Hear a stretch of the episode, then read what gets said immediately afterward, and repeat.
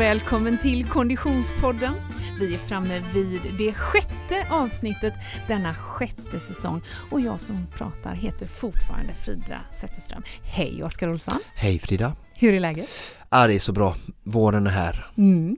Och det här avsnittet, det eh, kittlar ju lite. Verkligen. Mm. Jag var uppe tidigt i morse och eh, fick mig själv ut på mountainbiken i solskenet vid havet eh, för en eh, längre teknikrunda i eh, med tanke på vad som väntar här nu så eh, det gäller att, se till att få passerna gjorda. På mountainbiken alltså. Mm, på mountainbiken. Underbart! Vi kommer i dagens avsnitt nämligen att fokusera på utmaningar. Det känns som att utmaningar är det enda vi pratar om i Konditionspodden den senaste tiden. Ja, kanske. Men Mm. eh, de har ju mycket med träning att göra och eh, utmaningar i livet generellt, träning eller inte, tycker Mm. jag är väldigt spännande och eh, ja, Mm. bra. Är det så att det snart närmar sig att vi borde skapa en utmaning för producent Niklas kanske? Hej Niklas! Hej! Det var något tag sedan nu. Nu försöker du, nu, nu, Jag blev- har vi inte om det, vi ska pranka han här nu live. Blev du lite stressad? Hämnden är ljuv. Nej men det var ett tag sedan du eh, gav dig på någon utmaning nu. Ja men det var det och jag, eh, så sent som igår så fick jag en liten påminnelse att jag, jag eh, för många år sedan, men när de släppte det här Göteborgs maraton, alltså jubileumsloppet, Mm. då anmälde jag mig till det. och det fick jag veta häromdagen, att jag hade en plats dit. Och det är i september va? Ja. Ja. Bra! Så Vi- det, kanske, det kanske man ska, det kanske kan bli en utmaning då.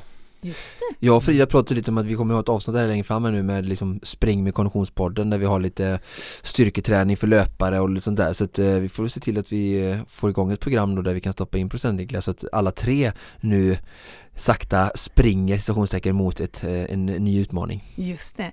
För utmaningar i, i, i all sin glory ska vi fokusera på i dagens avsnitt. Vi kommer ringa upp till en, en hel del eh, profiler som alla eh, tar sig an eh, en utmaning som passar dem av olika eh, karaktär. Allt från en mile till 100 miles. Mm, allt ifrån att eh, andas väldigt fort och väldigt länge under en väldigt ansträngd period till att hålla andan. Ja, Ja. det också. Det är utmaningar eh, av alla de slag. Men Konditionspoddens mest eh, omskrivna utmaning under det senaste året, det får väl ändå sägas vara Supervasan Niklas? Det får vi nog eh, säga, ja. Mm. Eh, Men Vasaloppet eh, 2.0 alla Frida Zetterström Ja, det står ju lite i skuggan, måste vi nog ändå säga. Nej men Supervasan blev ju ett fantastiskt projekt eh, Mm. i så många olika hänseenden kan man säga. Mm, det- Både medialt men också liksom faktiskt var det ja, responsen och eh, vi har ju förstått att jag har peppat och inspirerat många. Mm. Det är ganska exakt, eh, eller snart ett halvår sedan som det genomfördes eh, det allra första Supervasa-loppet eller genomförandet. Eh, I egenskap av producent, vad skulle du säga att vi liksom tar med oss ur den perioden Niklas? Eh, att det var en eh, att det var ett koncept som många liksom eh, attraherades av. Mm. Att det var en utmaning som för många är helt eh, oförståelig. Förutom för Oskar. men, men eh, hela grejen då som, som var Oskars liksom, så här, ambition, det var ju att ja, alla lopp inställda, eh, sluta inte träna, vi måste ha något, något mål. Mm. Då trodde vi kanske att det, det skulle se annorlunda ut nu. Ja. Och nu är vi i en verklighet att det är inte annorlunda utan det är, alla lopp är fortsatt inställda till i alla fall eh, fram till höst. Mm. Så då kändes det ju som att ja men det är nog läge att köra en eh, Supervasan 2.0 och kanske bjuda in lite fler. Mm. Eh, Oskar vill göra den i vär- lite varmare förhållanden också. Gör du en Zlatan nu och pratar om dig själv i tredje person? Ja, ja, alltså Zlatan är kungen och förebilden på så många sätt och jag tycker han är sjukt rolig när han pratar sig själv i tredje person. Så jag är absolut inspirerad av denna malmöit. Jag trodde Zlatan var gud. Ja, just det. Ja, det är, han, är, Ja. han är Så länge han får den blå, blågula muren. Ja. Men, men, men eh, för den Konditionspodden-lyssnare som in, händelsevis inte vet riktigt vad vi pratar om så är det alltså så att Supervasan eh, eh, innebär att man gör tre Vasalopp på raken. En distans på rullskidor, en distans på cykling och en distans löpning Ja. i ett svep. Ja. Eh, och så har man då med sig ett mediateam i form av oss Niklas. Ja, precis. Ut, ja. Nej, men och det är den ena aspekten i det här då, att vi eh, fick väldigt mycket medial uppmärksamhet och eh, vi har även fått förfrågan då från en eh, större tv-kanal om att göra ett tv-program på utmaningen. Så det är ju en liten del i det hela. Mm. Vi jobbar ju med den produktionen parallellt kan man säga och letar finansiering för det. Mm. Men det visar ju också att det, det här är någonting som är intressant på många olika plan. Mm. Och då adderade vi ju den lilla grejen att Oskar kommer att göra den men finns det någon där som kan utmana honom? Mm. Kan vi hitta två eller tre Oskar som, som klarar av och eh, sätta lite press på Oskar? Men det skulle ju också kunna vara så att man Oscar is too much to handle, man måste dela upp det lite. Det Den är går ju också också bra, eller hur? Ja. Att man skulle kunna göra en Tre, utmaning. tre mot Oskar. Precis. Tre mot en. Ja. Den är Alla ju mot fair. en. Nej men så här är det ju, vi känner ju någonstans att, att eh, Supervasan, vi ska inte kalla det 2.0 för det är inte det det handlar om utan det är helt enkelt eh, Supervasan nu i vår, eh, kan ju ta den form som vi liksom känner att eh, våra lyssnare, våra motionärer vill, eh, vill ta sig an. Det skulle kunna vara att man är ett lag, eller hur? Ja, absolut. Och jag menar, den har ju verkligen visat eh, utmaningen som Niklas säger här, alltså att den engagerar många människor på olika sätt. Mm. Och därför är det ju kul om eh, ni ändå ska vara där uppe och genomföra det igen om eh, förhoppningsvis till och med som en tv-produktion men även i en, i en lighter version så, så är det kul om, om fler vill komma upp och eh, för det första då vara med uppe i den fantastiska Vasaloppsarenan och eh, Vasaloppet, organisationen såg ju också hur framgångsrikt det blev medialt och är ju med på tåget även i år och har ju önskat då den 6 juni som är Sveriges nationaldag. Så vi hoppas ju kunna göra det den 6 juni en, en söndag i år och eh, ha lite Gustav Vasa och sen liksom eh, försöka ha ett, eh, ett eh, ja men samla lite pengar och just för att eh, folkhälsan och sådär som Vasaloppet jobbar mycket mot eh, vanliga, vanliga fall eh, går ju väldigt hand i hand med det som var den liksom sprungna eh, orsaken eller liksom syftet från min sida när vi startade. Det så att hitta lite positiva synergieffekter där och som sagt kan vi hitta någon mer kille eller tjej som vi vill prova ut, utmaningen? Eller då om vi kanske kan hitta några lag som, som, som folk kanske kan mm, hitta eller skapa själva då för att komma upp den 6 juni och eh, bara ha roligt tillsammans och längs på den här fina arenan och utmana sig på, på olika sätt så, hade det ju varit jättekul Ehm, ja, så är vi inte så ensamma Jag tycker vi kallar den för Supervasan The Challenge. Ja. Ja, och nu då är det en uppmaning till alla som lyssnar. Ja. Eh, In nu och, och nominera er själva eller personer ni tror kan utmana Oscar eller sådana som kan vara med i ett lag och utmana Bra där! Oscar. Så, eh, Sen måste, måste, så bara säga att man måste ju inte utmana, jag, jag kan gärna få stryk och jag kan också vara eh, före det är ju, det är ju, I första hand är det ju kul om folk eh, vill vara med överhuvudtaget eh, Fast men- det är kul om ni slår honom tycker ja, jag. ja, ja. Nej men, men det är, man måste får inte glömma det. Du sa det själv innan här Oskar, liksom, att det, det där är ingenting man bara snyter ur näven liksom. Och, Mm. och utmaningen är ju att överhuvudtaget överleva. Mm. Absolut. Jag var ute på ett rullskidspass fem mil här nu förra veckan Jag har ju som sagt lite officiellt för mig själv då startat träningen inför Supervasan där Ja, jag kanske kan redogöra det lite senare i avsnittet sen men, men, men nu har liksom träningen lite mer strukturerat eh, påbörjats då och eh, så åkte fem mil rullskidor och tänkte att eh, det var rätt skönt att det var slut eh, efter fem mil Nio mil är rätt långt tänkte jag så tänkte här, du. Ja, och att sen då cykla och springa så att det ger mig själv lite ibland perspektiv men samtidigt är det ju stimulerande också att det, är- att det är långt. Mm. Men vi har fått lite tips på eventuella namn eller som skulle kunna vara eh, eh, game. Ja men det finns ju, eh, vi har, vi har lite lista, jag vet inte om vi ska outa dem här då, men vi kan, eh, den som i alla fall eh, har liksom nu kanske han blir arg på mig men Jakob Hjelmåker han har ju varit eh, gäst i, i podden, han har ju eh, väldigt bra tid på en svensk klassiker. Mm. Tredje Bra bästa var det tror jag. Ja.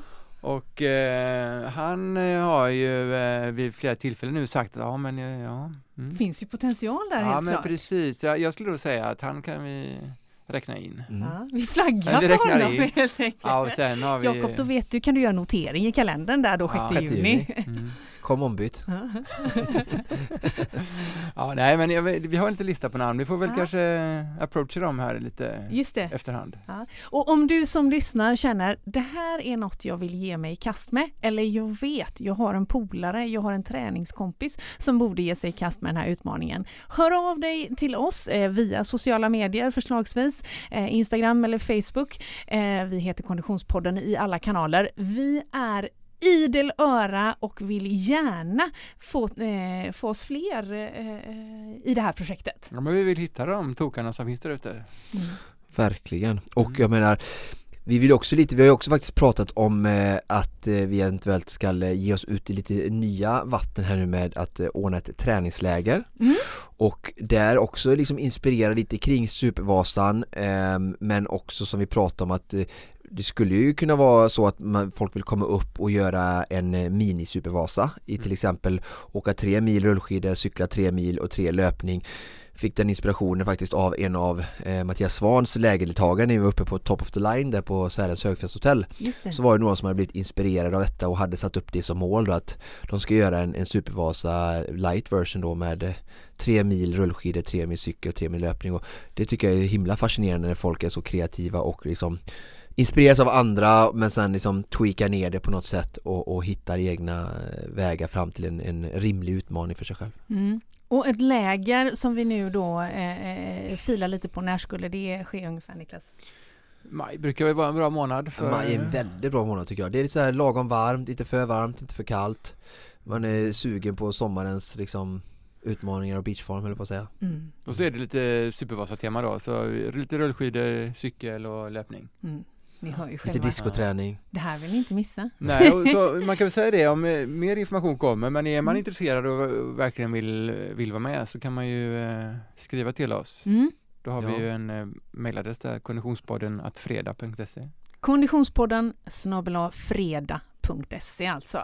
Eh, vi tar gärna emot intresseanmälningar och eh, inputs av alla de slag helt enkelt. Mm. Det här blir en utmaning.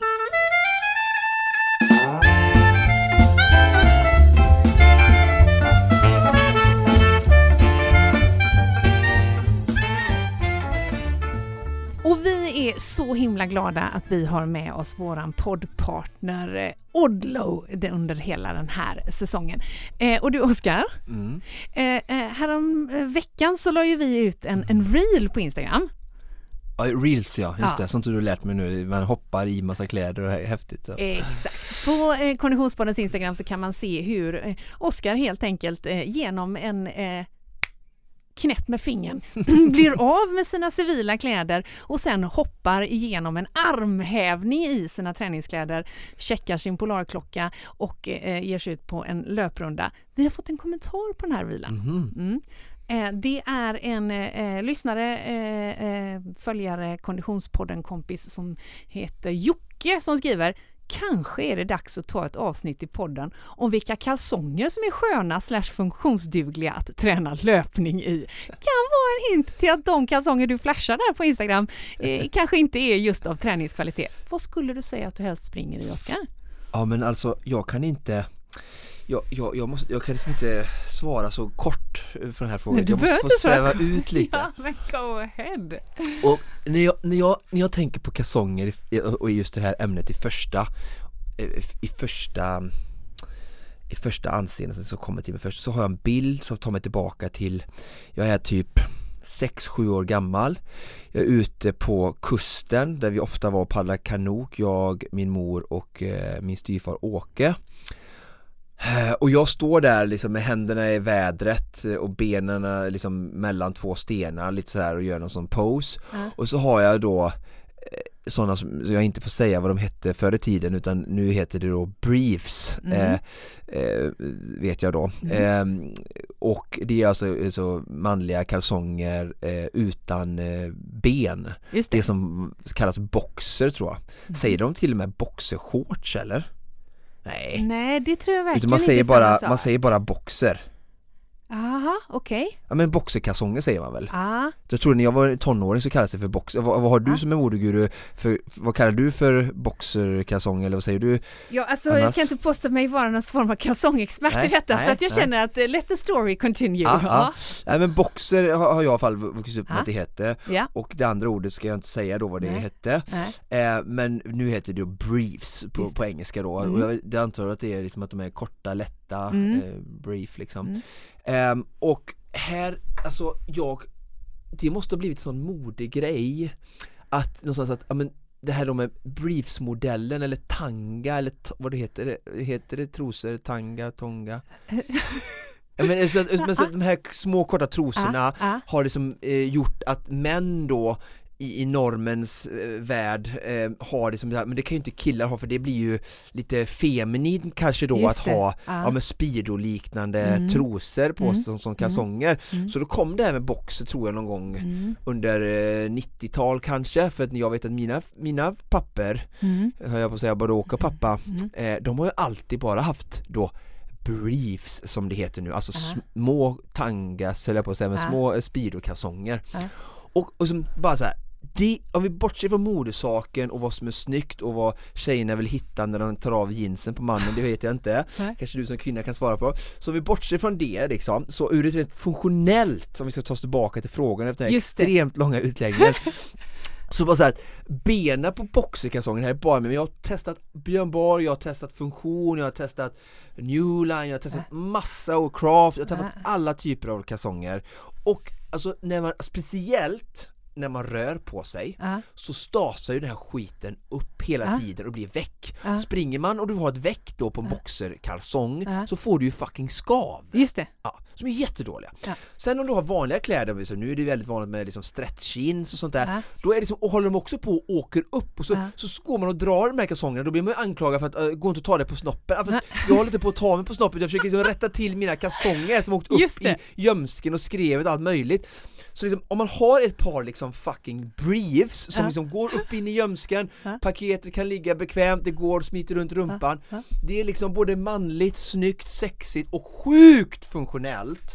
Så därför var ju så, vi pratade om detta i något tidigare avsnitt Ja. och då hörde ju vår snälla eh, Simon Scott som är vår kontakt på Oddo detta Ja. och han skickade ju mig ett par, eh, de har ju massa sådana här liksom träningskalsonger och jag har fått Men's Performance Underwear Brief då Okej. Ehm, så de Men's är- Performance Underwear Briefs Ja. från Odlo. från Odlo. Ja. Eh, Har du tränat i dem ännu då? Ja, jag har, har dem på träning och jag har dem när jag går på fest och jag är hemma i alltså liksom, jag har bara dem.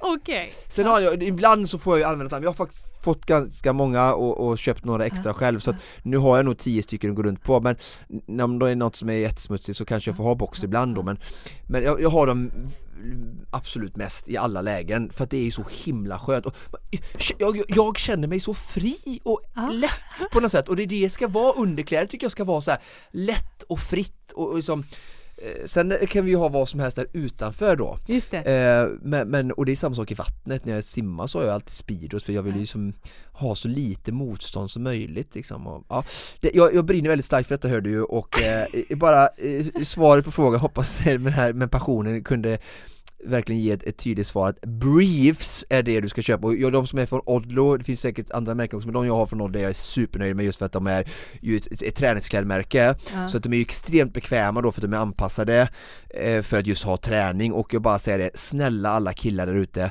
ha inte liksom Björn Borg bomullskalsonger när ni springer, tränar eller går på gymmet för att det är äckligt, det andas inte och det är så beige. Odlo, ni berikar våran podd, vårat liv och i vissa fall även våran underklädsgarderob. Tack för det Odlo! Och Oskar, våran poddpartner Polar, de har någon nyhet på gång har jag förstått. Ja du, alltså de har en ny pulssensor Okej. Eh, och eh, ja men i vanliga fall så vet du ju jag hur noga jag är och det har jag varit tydlig med innan också och det är ingenting jag hymlar med och det jag ger hela tiden ständig feedback till Polar detta att handledspulstagningen är, liksom, är ju liksom inte framme än. Nej. Och jag tycker att, alltså, jag ska inte prata om Polar bara utan jag pratar om hela och det, det tror jag liksom att alla inom heart rate monitor eller pulsklockor liksom har gjort sig skyldiga till lite liksom att på ett lite falskt sätt sälja in att um, att, eh, att det är så smidigt och den här klockan har liksom, alltså man, det blir som ett säljargument mm. att den mäter puls i handleden. Mm. Och jag då som har testat detta väldigt mycket för att jag har sånt brinnande intresse så kan jag ju säga då att den liksom har noll pålitlighet och eh, det upplever alla som har testat det alltså oavsett märke. Mm. Och det är väl mer så här liksom att det är jättekul att det börjar komma och mm. eh, det är bra att de finns i klockorna mm. för ja, den funkar jättebra. Jag har kollat att sova med pulssensorband på natten mm. och då stämmer det jättebra när du ligger helt stilla och sover. Just så det. i den anseende så är det jättebra och kul tycker jag att keep track på pulsen och vilopulsen under mm. sömnen.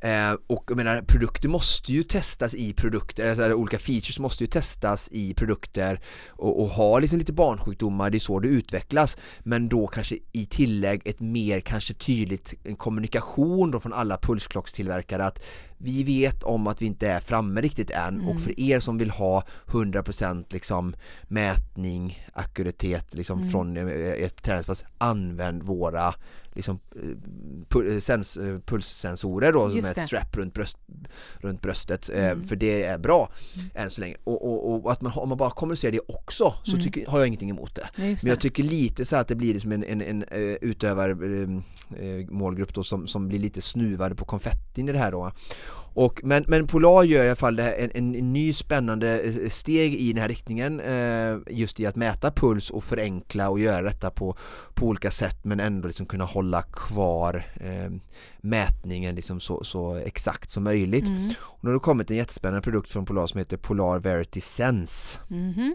Optical Heart Rate Sensor, den är ju lite samma sak som handledspulsen men är eh, mycket mer eh, noggrann skulle jag säga. Yeah. Och det här är liksom en, en liten puck kan vi kalla det, en plastpuck ah, som mäter. Ah. Precis som den pucken som sitter liksom gick under klockan eller så som läser din handled. Eh, och sen så har du ett, ett strap, ett band då mm. eh, så att du kan sätta det här bandet runt eh, bicepsen till exempel mm. Eh, och mäta pulsen för att om till exempel jag kan säga det, många som inte gillar att träna på gym mm. Som jag till exempel då, som har styrketräning som en stor del av min träning när, när vi gör olika saker saker, typ då, men, ja, men det kan vara burpees, det kan vara med, med, med hantlar eller med, framförallt med skivstång, man kör frivändning eller något annat på gymmet mm. Så är oftast liksom det skönt att ha fria handleder Just det. Eh, För att oftast när du knäcker handleden så kommer du som till klockan och mm. liksom det är bökigt Eh, och då har jag liksom gjort så att jag tagit bort klockan och så har jag haft vet du, den här på, på handen då, eller mm. på, på, armen mm. Och det här är då liksom en, ett komplement då till om du inte har kanske då pulsen på, på, på kroppen. Just det. Och, men deras största eh, argument också, vilket jag också på att testa då, vilket som folk inte har funnit ut än eller liksom, eh, disputörer, det är just under simning. Mm -hmm. För där går du inte ha ett bröststrap eh, liksom, eh, en pulssensor i bröstet för att eh, det åker ju bara av när du simmar. Uh.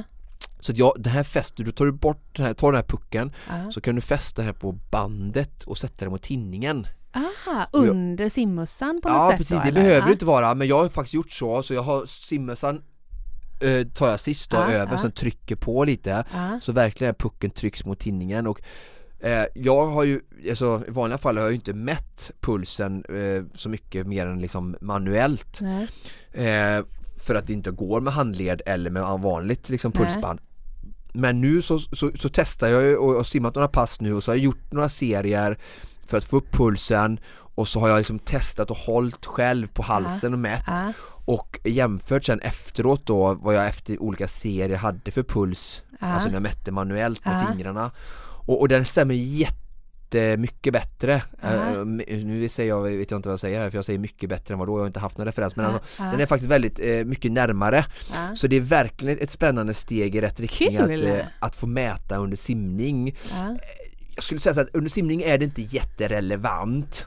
För att det är andra faktorer som spelar roll under löpning och cykelintervall till exempel och sådär när vi kör liksom konditionsträning så, så, så blir pulsmätning liksom, mätning och ha kontroll över olika zoner mycket viktigare. Men det är ändå ett spännande verktyg och just då att du kan ha med den Eh, och testa även i vattnet men även då liksom ha den runt armen och på andra mm. ställen eh, gör att det blir liksom väldigt användbart och enkelt mm. och priset är ju ungefär lika mycket som ett vanligt pulsband. Och det här är alltså då en, en produkt som man kan köpa till sin Polarklocka? Precis. Eh, och den hette igen? Polar Verity Sense. Och du kan ju även, alltså den är helt unik, du kan ju även koppla den till mobilen. Så jag har ju testat ah. den haft den, så jag har mätt och haft den runt armen ah. och så har jag testat den och haft eh, kopplat till mobilen och mätt pulsen och så mm. jämfört när jag har mitt vanliga pulsbälte och mm. mäter med klockan för det mm. vet jag ju är ju yeah. 1-2% max liksom felmarginal mm. och där stämmer den jättebra också um, så att uh, simning måste jag testa mer men faktiskt att den det är det absolut det bästa jag har testat hittills när det gäller att mäta puls så um, och sen på land då så är, så är det ju klart ännu mer akkurat eh, liksom pulsmätning då om man jämför med standardmätningen då. Så att eh, jättekul att det händer lite sådana grejer och jag menar det är också så att du kan ha den utan att ha din klocka för den mäter distans. Just det. Så att du, du kan, alltså den mäter både distans och fart så då kan du liksom mm. bara springa med den och, och som, eller jag behöver inte ha med mm. klockan när jag simmar, då många simmar ju med sin klocka. Så även om du inte vill mäta puls så är det ju svinbra att bara ha vid simglasögonen mm. eh, så får mm. du både puls och distans och fart ah, ja, ja. och så har du ditt pass loggat för att simma med klocka är ju ingenting jag rekommenderar även om jag gör det ibland också så, så, så tycker inte jag att eh, att man ska göra det för det stör, förstör liksom simningen och, och liksom känslan i vattnet. Mm. Vi får anledning att återkomma till den här produkten. Ja, jag ska testa mer men, men absolut och liksom, jag ska försöka göra en story eh, eh, i anslutning till det här avsnittet med den här produkten bara för att eh, visa lite så får man såklart gå in och läsa på lite mer men Polarity Verity Sense, eh, jätteny spännande typ av liksom tracking device med pulsmätning då från Polar som jag säger eh, absolut en helt annan nivå eh, och eh, liksom mer noggrannhet än en, en handledspulstagning. Liksom. Mm. Mm. Spännande, tack för det Polar.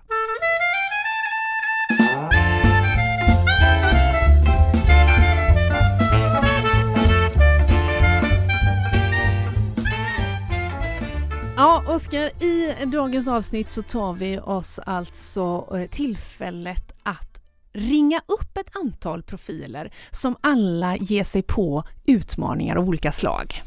Ja, verkligen och de alla representerar väl liksom att det finns, som jag har sagt innan så många gånger, inga normer eller regler för hur en utmaning utformas eller ser ut. Och det är det som är det fantastiska utan det enda viktiga är vad utmaningen ger individen. Mm. och att den verkligen liksom är positiv effekt och liksom ett driv och ett, ett positivt resultat för individen själv. Och det ska bli jättekul att höra alla dessa olika typer av utmaningar och eh, inspirerande att höra att, liksom att det är bara kreativiteten eller liksom att det finns verkligen inga regler utan bara hitta sin egen utmaning. Mm. En utmaning som ligger nära i tiden, det är den som Jessica Ståhl Norris ger sig i kast med. Och då har vi kopplat upp oss eh, på länk till Jessica Ståhl Norris. Hej Jessica! Hej! Hur är läget? Det är bara bra tack. Du, Konditionspoddens eh, lyssnare eh, hör ju detta, ser inte det vi ser, att du sitter i kockkläder. Ja, precis. Var befinner du dig? Jag befinner mig i uh, Båstad skola, jag jobbar i skolköket här. Oh, vad får eleverna till, till lunch idag? Idag är det köttbullar med pasta. Det är en favorit för dem bra där, mycket bra. Mm. Men du, vi har inte ringt upp dig för att och, och, och prata skolbespisning utan snarare en utmaning som stundar till helgen. Vad är det du ska göra Jessica? Eh, ja, jag ska göra en liten grej som att eh, springa 100 miles, 16,2 mil eh, på löpband. Uh, vi kan ju tillägga att jag är traillöpare så att uh, springa på löpband är bland det tråkigaste jag vet. då är det ju inte utan att man ställer sig frågan, varför då? Um, för att man är en tjej med tvångstankar. Nej, men jag, uh, i, i vintras när det var så fruktansvärt kallt här, vilket var jättekul, men då var jag tvungen att gå in och springa på löpband, för mina lungor klarade inte de här minus 15. Så att, eh, och då stod jag där och sprang och tänkte shit, tänk att göra det här liksom en ultra på löpan. Och direkt så bara det måste jag göra. Så, bara, så det var så det kom till och sen så bara, ja, sen, sen var det bara att rulla på liksom. Men du eh, är, tillhör ju det, det ärofyllda gänget Essex Frontrunners och du har ju gett dig i kast med utmaningar förut, eller hur? Ja, precis. Jag gillar ju allt det här med att pusha och testa kropp och knopp och det här handlar ju definitivt om eh, knoppen, om man säger så, mentala.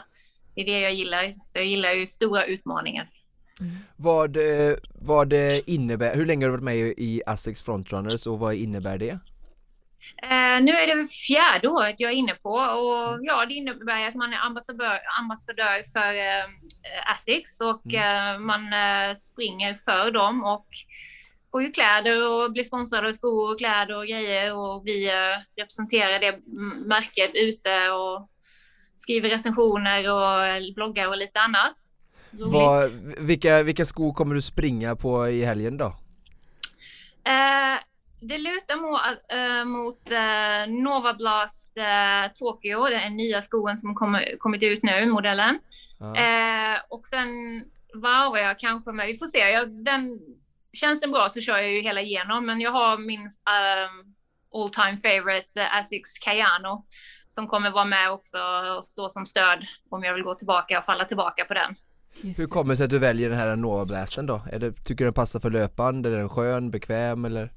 Precis, det är väldigt bra dämpning i den. Den är en väldigt lätt sko och jag känner just det här med löpandet, det ju, kommer ju bli ganska monotont och ganska hårt.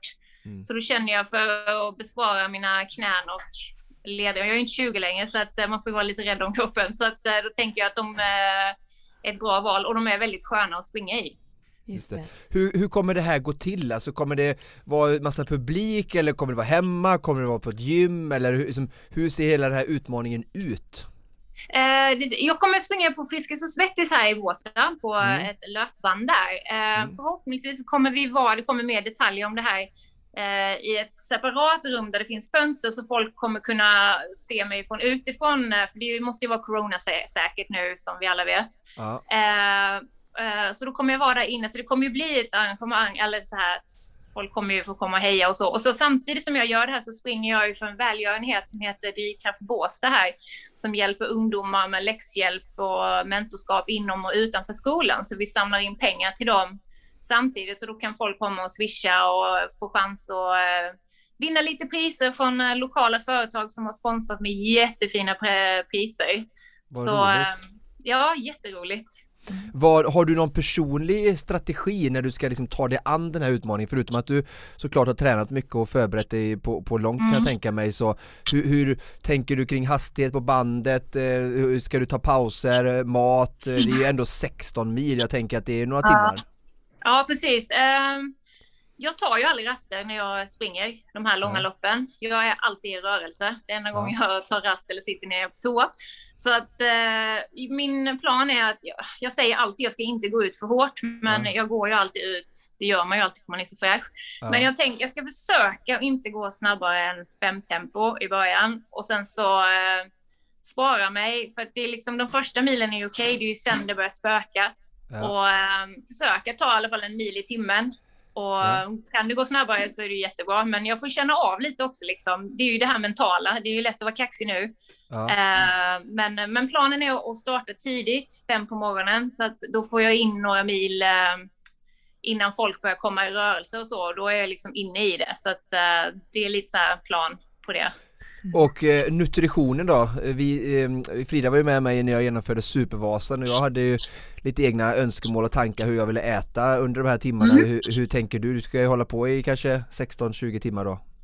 Ja men precis, eh, det har jag redan planerat. Jag har ju en väldigt snäll man som ja. kommer att vara med och hjälpa till och Katarina då från eh, Drivkraft Båstad eh, kommer vara där till hands. Så att eh, jag, jag äter ju, jag är inte så mycket för de här socker, eller jo socker gillar jag, men jag kommer äta risgrynsgröt till exempel, eh, som kommer varmas till mig och sen så har jag ju någon pas lättare pastasallad. Allt måste vara lätt ät. Mm. Alltså så här, jag kan inte ha grejer jag måste tugga på jättemycket, det får inte fastna i munnen. Eh, massa blåbärssoppa och sen så choklad eh, och grejer och det kommer sköljas ner med Vitamin Well som har sponsrat med massa drickor. Um, så det är typ min basföda. Det är risgrynsgröt och så blåbärssoppa. Det funkar jättebra med min mage och eh, ja, energileveln där liksom. Mm. Du tar inte med dig köttbullar och, och makaroner alltså från skolköket? Nej, skolköket. vad, vad, vad har du för erfarenhet av eh, långa lopp går, när du går in i detta nu? Vi vet att du har sprungit eh, långt förut mellan olika städer. Eh, vad är det mm. längsta du sprungit i, i ett streck? Längsta i ett streck är ju 180,5 mil. Eller jag menar, jag skojar, 18 mil. 18,5 mil. Okay.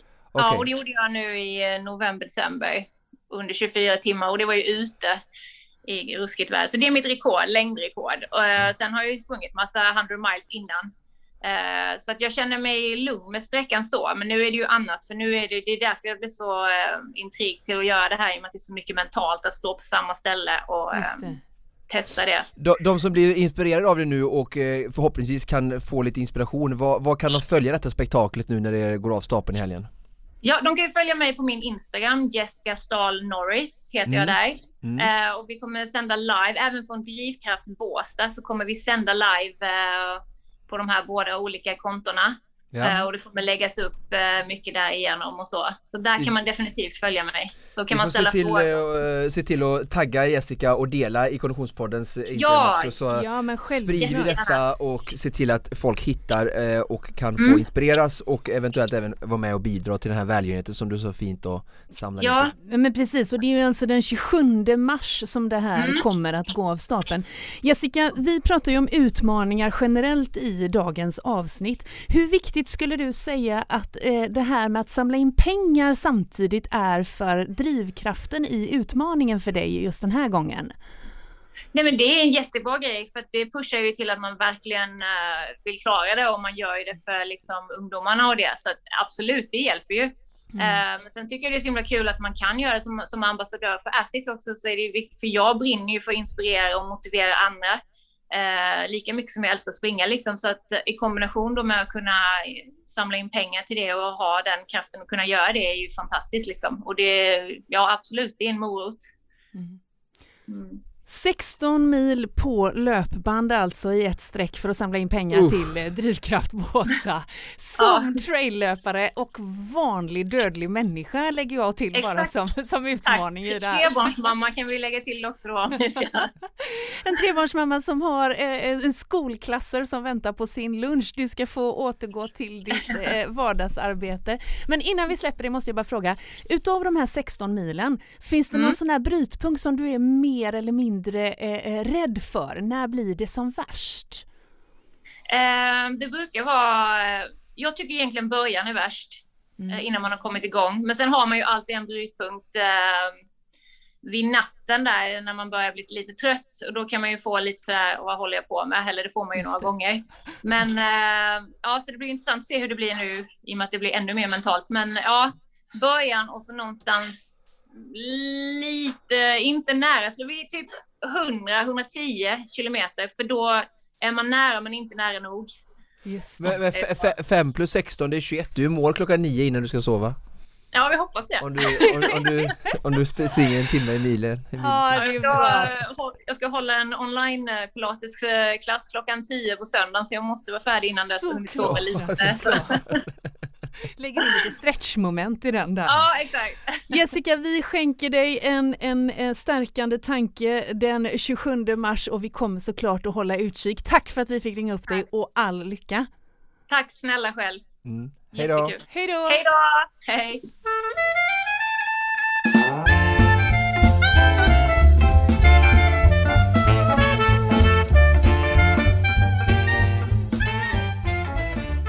Men alltså, det är ju inte utan att man kommer sitta bänkad eh, lördag den 27 mars eh, framför sociala medier och följa Jessica.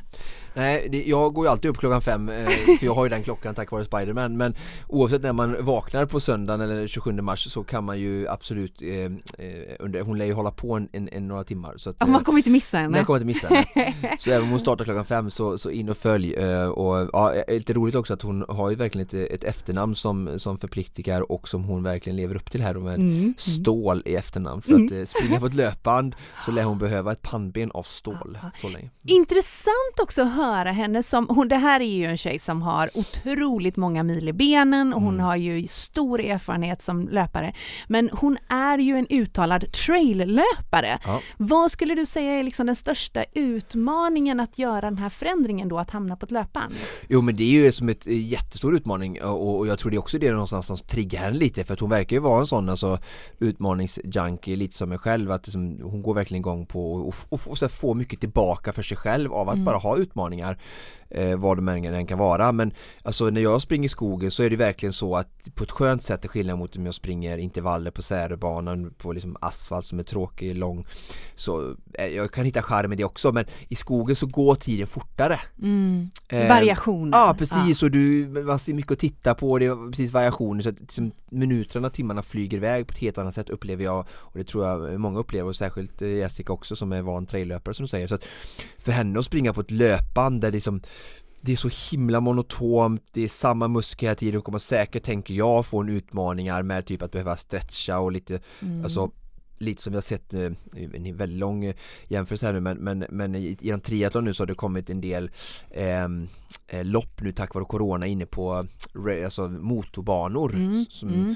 speedways som det heter Mm. i USA och då sitter de i tempopositionen så länge och får liksom aldrig i en vanlig triathlonbana ute på vägar så får man liksom sätta sig upp och svänga och byta ställning och sådär Mm. men nu vittnar liksom proffstriatleter, eh, atleter om att de får sitta så länge i samma position då för att eftersom du åker bara runt runt så Ja. finns det ingenting som man gör så- alltså du sätter dig upp för att och du vill ju inte sätta dig upp och, och, utan du vill ju vara så aerodynamisk eh, liksom hela tiden och det är nog lite samma sak här liksom att när du springer upp och ner och kroppen Mm. får liksom lite automatiskt liksom ändra på sig här kommer nog bli väldigt mycket liksom Väldigt monoton. monotont ja Mm, mm. så att på många sätt, inte bara tristess utan även muskulärt och sen har vi också värmen, även om de eh, kanske använder fläkt vilket är smart och sådär så kan det nog bli ganska liksom hög luftfuktighet inne på, på Friskis Svettis ändå och sådär. Så att Mm. det finns så många utmanade faktorer men jag tror att hon samtidigt kommer att trigga henne också för att Just det. är en väldigt unik utmaning, jag tror inte så många som har gjort det i Sverige innan. Eh, och, och det går, eh, känner jag ju också till att det är kul att vara liksom lite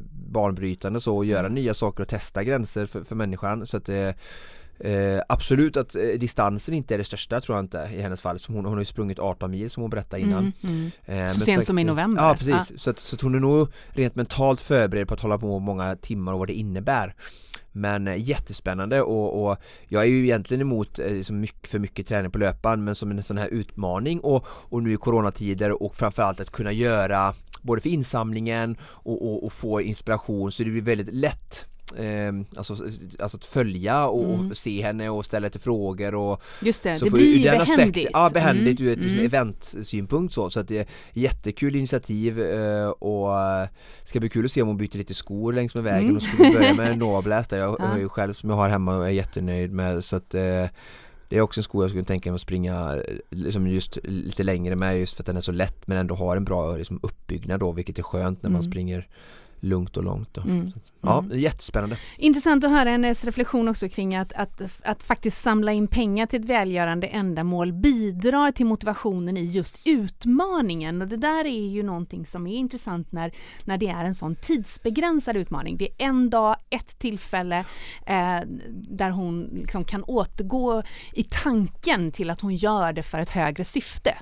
Och det tror jag är en jätteviktig grej som, som mycket saker, jag vet att jag har läst om målfokusering och smarta mål i, i, under min utbildning och sådär då, då vet jag att vi flera tillfällen har hört vikten av att, alltså just att uttala målet Mm. eh, och först då är ju att skriva ner det kanske på ett papper så att du uttalar för dig själv men sen även dela med det med din omgivning det.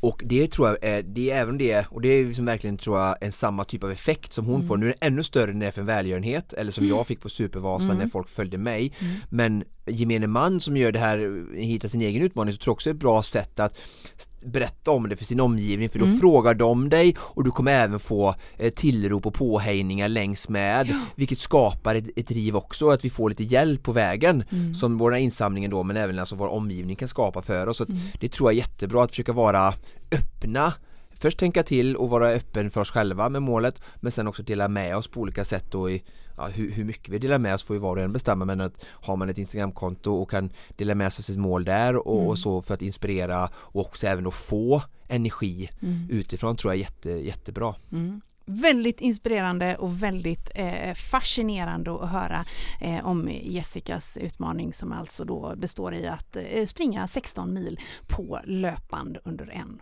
och samma lördag. Men du Oskar, man behöver ju inte ge sig i kast med den sortens distanser. Verkligen inte! Alltså jag älskar ju utmaningar i alla dess former. Det viktigaste är att det ger effekt, skapar mening och ger glädje till, till gemene man och att, ja, verkligen att det händer någonting. Och det är ju vår nästa gäst ett tydligt bevis på och det måste inte vara 16 mil, det kan även vara 1600 meter. Exakt om jag har förstått det rätt. Jag är lite ny på det här med runstreak men eh, ja. Vi kollar med någon som vet exakt vad det handlar om. Och då har vi kopplat upp oss på länk till en eh, fellow göteborgare. Hej Lina Bengtsson! Hej! Hur är läget? Ja men det är bra, det är ju måndag, herregud. Och, och det är positivt i din värld? Ja! Det, det är min med. Det älskar man ju. Vet ni, jag börjar också hamna i att det är positivt med måndagar. Underbart. Ny vecka, nya möjligheter. Exakt så. Precis så. Och just det där med nya möjligheter Lina, det är ju någonting som du eh, eh, ska hoppa på. Eller har du redan startat din streak? Jag har startat och på i sju veckor. Oh my god! För yes. vad är det för en streak vi pratar om? Ja, men det är att eh, man springer varje dag. Eh, mm. En mile och då är det 1,6 kilometer eh, som kortast. Eh, för man ska säga, jag eh, hatar ju löpning, kanske man inte ska säga högt, men jag tycker inte om att springa nej. och har väl aldrig gjort det. Jag gillar tanken på det men inte själva utförandet. Eh, och då kände jag att nej, men jag behöver komma igång med någonting. Eh, jag behöver en utmaning. Mm. Ehm, för först då så börjar jag gå igång lite på det. Mm. Eh, att man sätter upp ett mål. Och då sa jag att men då ska jag springa varje dag för 1,6, men det, det är nåbart. Så det just klarar det. man, tänkte jag säga. Mm. Och just att det är 1,6 mm. det är helt enkelt för att det är en mile och det går ju, det här är ju något som trendar inte minst på sociala medier just nu att köra runstreak en mile om dagen. V var kom mm. din inspiration ifrån? Men det var mycket att eh, min eh, sambo springer ju jättemycket och tycker att det är jättehärligt. Um, och jag önskar ju att jag tyckte det var lika härligt, men jag är för dålig på det. Och kände att men hur ska jag komma igång att bli bättre då? Mm. Uh, och då sa jag, men jag måste börja någonstans. Och då kände jag att men då behöver jag kolla upp hur jag ska komma någonstans. Mm. Uh, och pratade med lite kollegor och var så här, men då kör vi. Och så kör vi tillsammans. Uh, Just det, så, så vi är ute och lunchlöper. Okej, okay, så ni är flera stycken som, som gör den här streaken ihop? Ja, men precis. Det började med att jag började själv. Mm. Eh, och sen hade jag några kollegor som hängde på. Eh, och så är det rätt gött att komma ut på lunchen, få lite luft. Eh, och man får ju så sjukt mycket mer energi efter man har gjort det. Och mm. orkar hålla på mycket längre på eftermiddagen. Så reglerna du har satt upp för dig själv är helt enkelt att det ska vara minimum en mile, 1,6 kilometer och att det är dagligen. Hur länge ska du hålla på? Det har jag väl inte satt egentligen, eh, hur länge jag ska hålla på. Utan jag bara kör på utan slut eh, just nu. Sen försöker jag utmana mig själv i att ja, men lite längre eller lite snabbare. Um, så att jag gör det för mig själv och för att bevisa mig själv. För egentligen så är ju ett slutmål som jag fick av min sambo att jag ska springa milen under 50 minuter. Så då är jag så här, hur når jag dit? Okej, okay, bra. Ja, bra, eh, bra slutmål. V vad skulle du säga att du, vad snitt tittar du på i, i distans? För det är klart att 1,6 är ju inte så långt om vi ska vara ärliga. Mm. Nej men det är det inte. Eh, men vi har, jag har en liten slinga som jag springer här på jobbet då och den är ju 2,7. Ah. Eh, så det är lite längre i alla fall, men fortfarande så här, man kan kämpa sig igenom det. Mm. Eh, och utmana sig själv lite. Jag, jag, jag som kommer in från liksom andra sidan, det är kul att höra er prata för jag har ju som sagt helt andra ingångar och erfarenheter till träning men Först vill jag bara säga att jag älskar ju utmaningar och jag älskar alla utmaningar som får eh, människor att komma till action och skapa någon typ av drivkraft vilket liksom verkligen är ett bevis här för dig Linda, Lina eh, Men hur, hur går det här till? Eh, byt, man byter om eller? Jajamän Ja, så på med löparkläder och allting. Och hur, hur, hur loggar du? Med telefon, med klocka eller? Med, med klocka. Ja. Mm. Och, och jag tycker det är så himla intressant det här, vi har varit inne och pratat om utmaningar förut och, och även inte bara i det här programmet utan att just hur utmaningar, här ser vi verkligen hur viktiga de är för att de skapar ju ändå att från att du inte har liksom gjort löpning någonting så har du liksom, så får det att byta om på rasten med kollegorna i gemenskap och du gör det Mm. och det Mm, blir av. Exakt. Vad, vad, hur känner du? Du springer ju så varje dag, det gör ju inte ens jag. Eh, eh, Hur, känns det olika bra varje dag eller är det samma jobbigt eller vissa dagar lättare, tyngre? Eh, Hur, hur, hur, liksom, hur upplevs det? Alltså, jag, man upplever att det är väldigt mycket dagsform. Eh, Mm. Vissa dagar är det ju inga konstigheter alls och det Nej. känns som man svävar fram. Ja, Och vissa dagar så är det så sjukt tungt, just det. Mm. även fast det är så pass kort. Men eh, man känner ju att kroppen eh, kanske inte är alltså, lika pigg varje dag. Mm, mm. Vad skulle du säga att det, för jag menar du har alltså hållit på i sex veckor, det är ju ganska länge. Eh, vad, har det, vad har det gjort med dig? Vad har det fått för effekt? Jag skulle säga att jag är mycket, mycket piggare att bara få komma ut och få lite luft på lunchen. Och det Mm. skapar också något annat, att jag vill så mycket mer. Att eh, vill träna lite mer, vill träna lite styrketräning istället också. Och Ja, det. ehm, även pushar mig själv. Vad ska jag säga. Att så här, det, det här handlar ju så mycket om att här, visa för sig själv att jag klarar av det här. Mm. Att jag eh, gör det här varje dag. Ehm, Ja, för jag tror att det är mycket det det handlar säga, om. Om vi skulle säga att det var bara promenad så, Mm. så är det klart att det är ju inte att förringa heller men det här blir ju en ändå mer lite större belastning och eh, ställer lite högre krav på kroppen liksom att du ska byta om och faktiskt träna och hjärtat ska Mm. jobba så det blir ju Mm. ännu mer och ju större utmaning om vi säger att, liksom, att, att springa 2,7 km istället för att du går ut och gå samma tid på lunchen som, som motion eh, liksom, ge- ger ju också alltså effekterna både fysiskt men även mentalt i tillfredsställelse av att jag Ja. klarar det som du säger blir ju också såklart då större när insatsen är lite större. Ja men precis. Men du har ju ändå inget krav på att det måste gå särskilt fort vad det verkar utan du tar ju den tiden som det tar och så det förstår jag att det blir lite olika tider beroende på dagsform då. Ja men precis. Mm. Mm, det stämmer.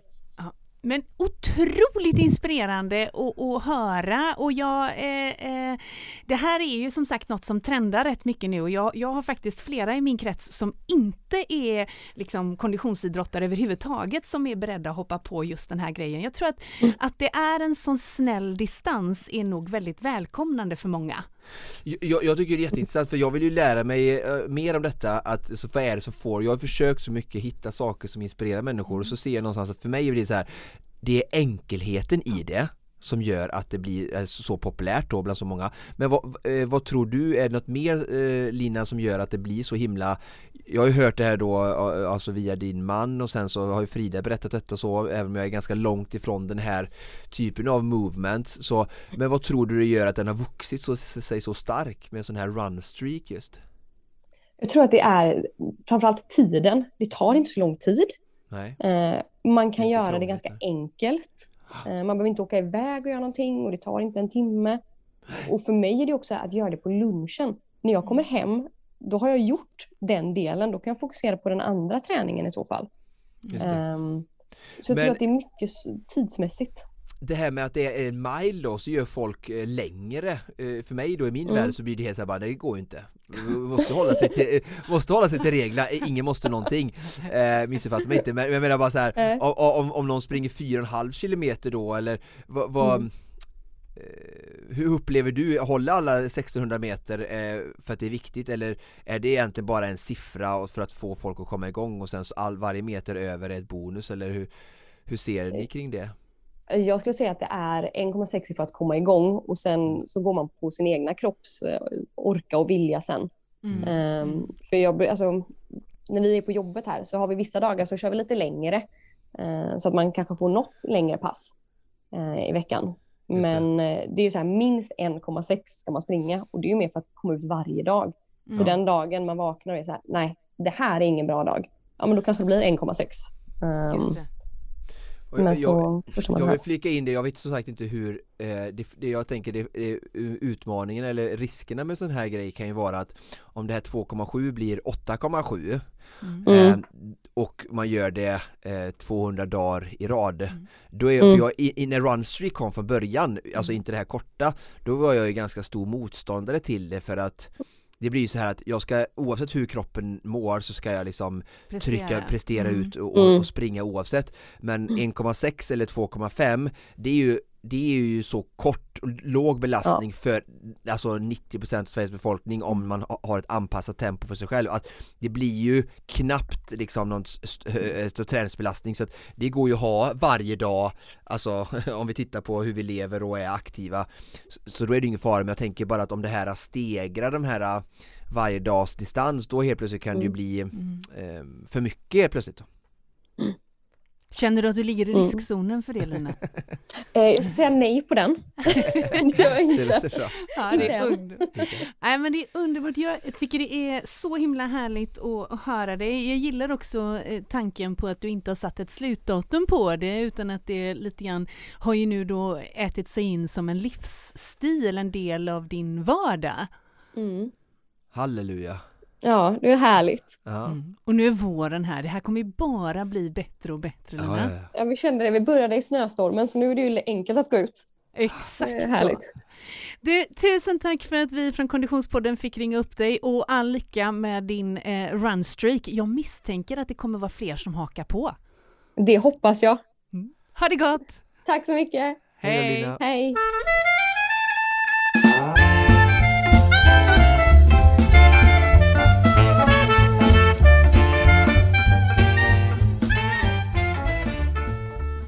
Men alltså så himla härlig tjej ändå. Verkligen, jätteroligt Och så himla härligt att höra den här sortens utmaningar som faktiskt funkar för väldigt många som inte är liksom träningsnördar. Det är verkligen alltså helt prestigelös i, i all sin enkelhet och tillgänglig för 99,7% höll jag på att säga men nu vet Mm. jag av att folk kanske inte kan springa eller så då för att de har liksom ja, skador eller så men, men alltså, i all sin enkelhet anknytning, de gör det på lunchen som hon sa Mm. Ehm, och, men det jag verkligen fastnar hos mig mest är just när hon pratar om att hon har någonstans en känsla i sig själv att jag vill dit Mm. och sen så använder hon utmaningen som ett verktyg Mm. Precis som jag Vasaloppet, vi har försökt göra med Supervasan att för folkhälsan få, alltså vad är syftet? Men vi vill att folk ska må bra Sen ska inte träning vara allt i livet eller prestation utan det ska bara vara som ett, en del för att du ska må bra i övriga livet och då att utmaningen blir ett verktyg att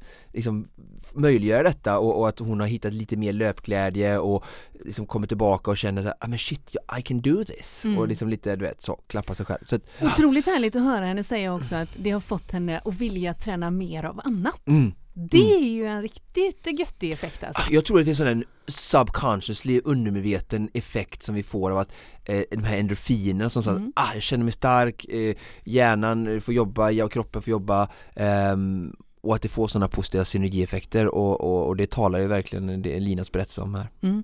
Jag tror också att det här med att det är en sån begränsad och snäll distans som en mile 1,6 kilometer. Jag gör lite liknelsen till när jag hade min yogastreak eh, eh för några veckor sedan. Jag körde ju eh, yoga varje dag i 100 dagar och där var liksom grunden i det var att köra 20 minuter. 20 minuter är ju väldigt kort. De allra flesta yogapass som man går på liksom en, en, med instruktör är ju kanske upp mot en timme minst. Men just för att det bara var 20 minuter så gjorde det att jag kände okej, jag löser det, även om jag inte har gjort det förrän sent på kvällen, även om jag inte känner mig helt hundra i kroppen, så löser man 20 Mm, minuters mm, yoga mm, på mm, samma sätt mm. som de allra flesta löser 1,6 kilometers löpning. Till och med när jag var på skidläger och vi hade sena kvällar med eh, föreläsningar och middagar så såg jag dig gå upp liksom 22.00 på kvällen och Och köra mina 20 minuter. Ja, Ja, men precis. ja. Och jag tror att där är det ju lite så på att resande fot. liksom. Tar man, med sig en, tar man sig an en streak eh, som, som går ut på att göra göra någonting varje dag under en väldigt lång period, då ska man nog vara ganska snäll mot sig själv Ja, i att sätta verkligen. begränsningen. Eh, och därmed inte sagt att man inte då samtidigt kan springa milen till helgen eller köra Nej, ett, nej. ett, ett lång- Men långt den lägsta nivån hela tiden är låg. Exakt. Och att man, man sätter den så. Eh, ja, men jag var otroligt inspirerande att höra Lina verkligen och det ska bli kul att, att följa upp lite längre fram och se hur länge hon fortsätter. Hon hade alltså hållit på med sin runstreak i sex veckor. Och jag, jag tycker också det här är så är en positiv tror jag, utan att veta exakt vad, vad ni får all den här inspirationen från så, så, så förutsätter jag och tänker att det kommer nog mycket via sociala medier. Mm. Och eh, det ser vi ju en väldigt positiv del med sociala medier just nu, hur vi kan skapa inspiration för varandra och- just sådana här då movements eller vi ska kalla det trendgrejer då inom, liksom, ja, men, i det här fallet då träning och rörelse. Och jag, jag har varit så trött genom åren och jag börjar bli lite gladare nu, men jag har liksom verkligen varit trött på att vi som hållit på med triathlon, swimrun och klassiker och Vasalopp och sådana här grejer Mm. Det har setts liksom som någon slags avart i samhället. Att det är bara extremister och ni håller på med detta och det är så lätt för er att säga att det är bara att träna och, och allting. Men- Och det är precis som att vi har varit någon slags norm utan att vi själva velat vara det. Utan vi är bara så här, vi försöker göra det som vi tycker är roligt och vi Mm. försöker hitta utmaningar som är utefter våra förmågor och sen har det, som blivit, det känns som att det har blivit som sagt en segregation eller polarisering i samhället av att ni och dem istället för att se det som att de utmanar sig och jag kan utmana mig själv istället. Så kör jag 9 mil skidor så åker jag liksom 9 kilometer skidor eller liksom 1,6 kilometer löpning. Och verkligen så här sätter min och att det finns ingen norm när det gäller utmaningar, lopp motionslopp och sånt där. Och man kan göra ett motionslopp hemma på söndagen så jag kallar det för liksom världsmästarrundan i Kullavik eller Mm. mm. vad, förstår du vad jag menar? Alltså, Ja. för det, vad är syftet egentligen? Vi allihopa vill ju utmanas, eh, få lite motstånd, eh, pressas lite, få en utmaning för oss själva och så mår vi skönt efter och sätter oss, tar en öl eller en glass och så liksom, får vi in det här liksom, kontinuiteten av rörelse och, Eh, men, men, och då menar jag bara att den här typen av movement känns som att den tar ner de här liksom murarna lite mellan, eh, ja, nu ska jag inte säga vanliga befolkningen, men de som tränar lite mindre och oss som tränar lite mer. Mm. Att liksom att det, det finns bara utmaningar och, liksom, och det finns alla utmaningar. Det finns inte bara de som är liksom, ja men då Vasaloppet, eh, Stockholm Marathon eller sånt utan det finns verkligen liksom ingen eh, gräns där liksom på vad som är en utmaning. Mm. Och utmaningar är det gott om i dagens avsnitt. Nu, Oskar Olsson, ska vi ringa upp till en oerhört spännande person. Ja, en kille som eh, verkligen gillar alla dess olika typer av utmaningar och som, eh, jag vet inte riktigt, av någon anledning har liksom eh, en eh, talang i allt han tar sig an. Eh, som jag känner Rami eh, är ju att han var ju en först framgångsrik liksom, MMA-fighter, sen så började han med triathlon och lärde sig det snabbt, sen höll han på med swimrun och sen eh, vips som det var så fick jag se liksom på hans sociala medier som jag följer han höll på med liksom eh, groddräkter höll jag på att säga, men han dök under vatten, höll andan och, och eh, så har jag fått lära mig liksom att nu har han verkligen liksom satsat på den här sporten då som handlar om liksom att hålla andan Eh, och vi, eh, det är också en, en stor sport och en häftig typ av utmaning och, och liksom ehm, Ja, så att det ska bli jättespännande att höra om, om hans kommande utmaning. Mm. Vi dyker rakt in helt enkelt. Hej Rami! Hej! Hur är läget? Jo, det är bra, tack. Du, eh, tack för att vi får ringa upp dig. Vart befinner du dig just nu? Jag är i, i ett klassrum faktiskt. Jag jobbar som lärare. Så jag Okej. sitter i klassrummet just nu. Medan Vad- eleverna är på rast. Vad undervisar du i för årskurs? Eh, just nu har jag årskurs fyra i matte och NO. Vi, vi, är eh, till, Periodiska systemet bakom jag skulle precis säga det till Konditionspoddens lyssnare som inte ser. Vi har ju faktiskt dig på länk och storbildsskärm här inne i studion. Så ser vi då trafikmärken till vänster om Rami och det periodiska systemet bakom dig där. Men det är inte därför vi ringer dig utan det är för att du just nu ger dig i kast med en spännande utmaning. Ja, precis. Berätta, du, du håller på med, eh, säg, vad, vad, vad heter sporten? Det heter det fridykning? Nej?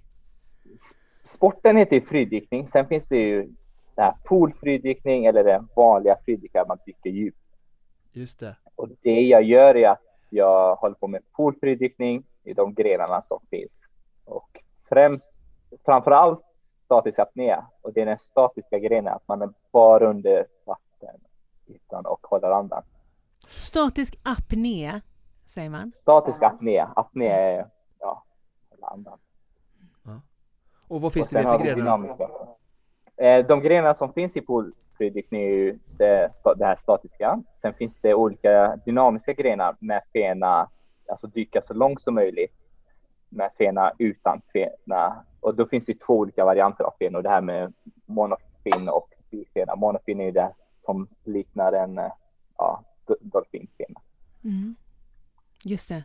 Och din favorit, vad är det utav detta? Det är statiska. Det är den som, det är lite speciellt. Det är ju de flesta, skulle jag säga 95 procent tycker om de statiska. Eller de är dynamiska, förlåt. Dynamiska, men jag tycker om det statiska. Det är mer utmaning i det. Man är längre tid under vatten.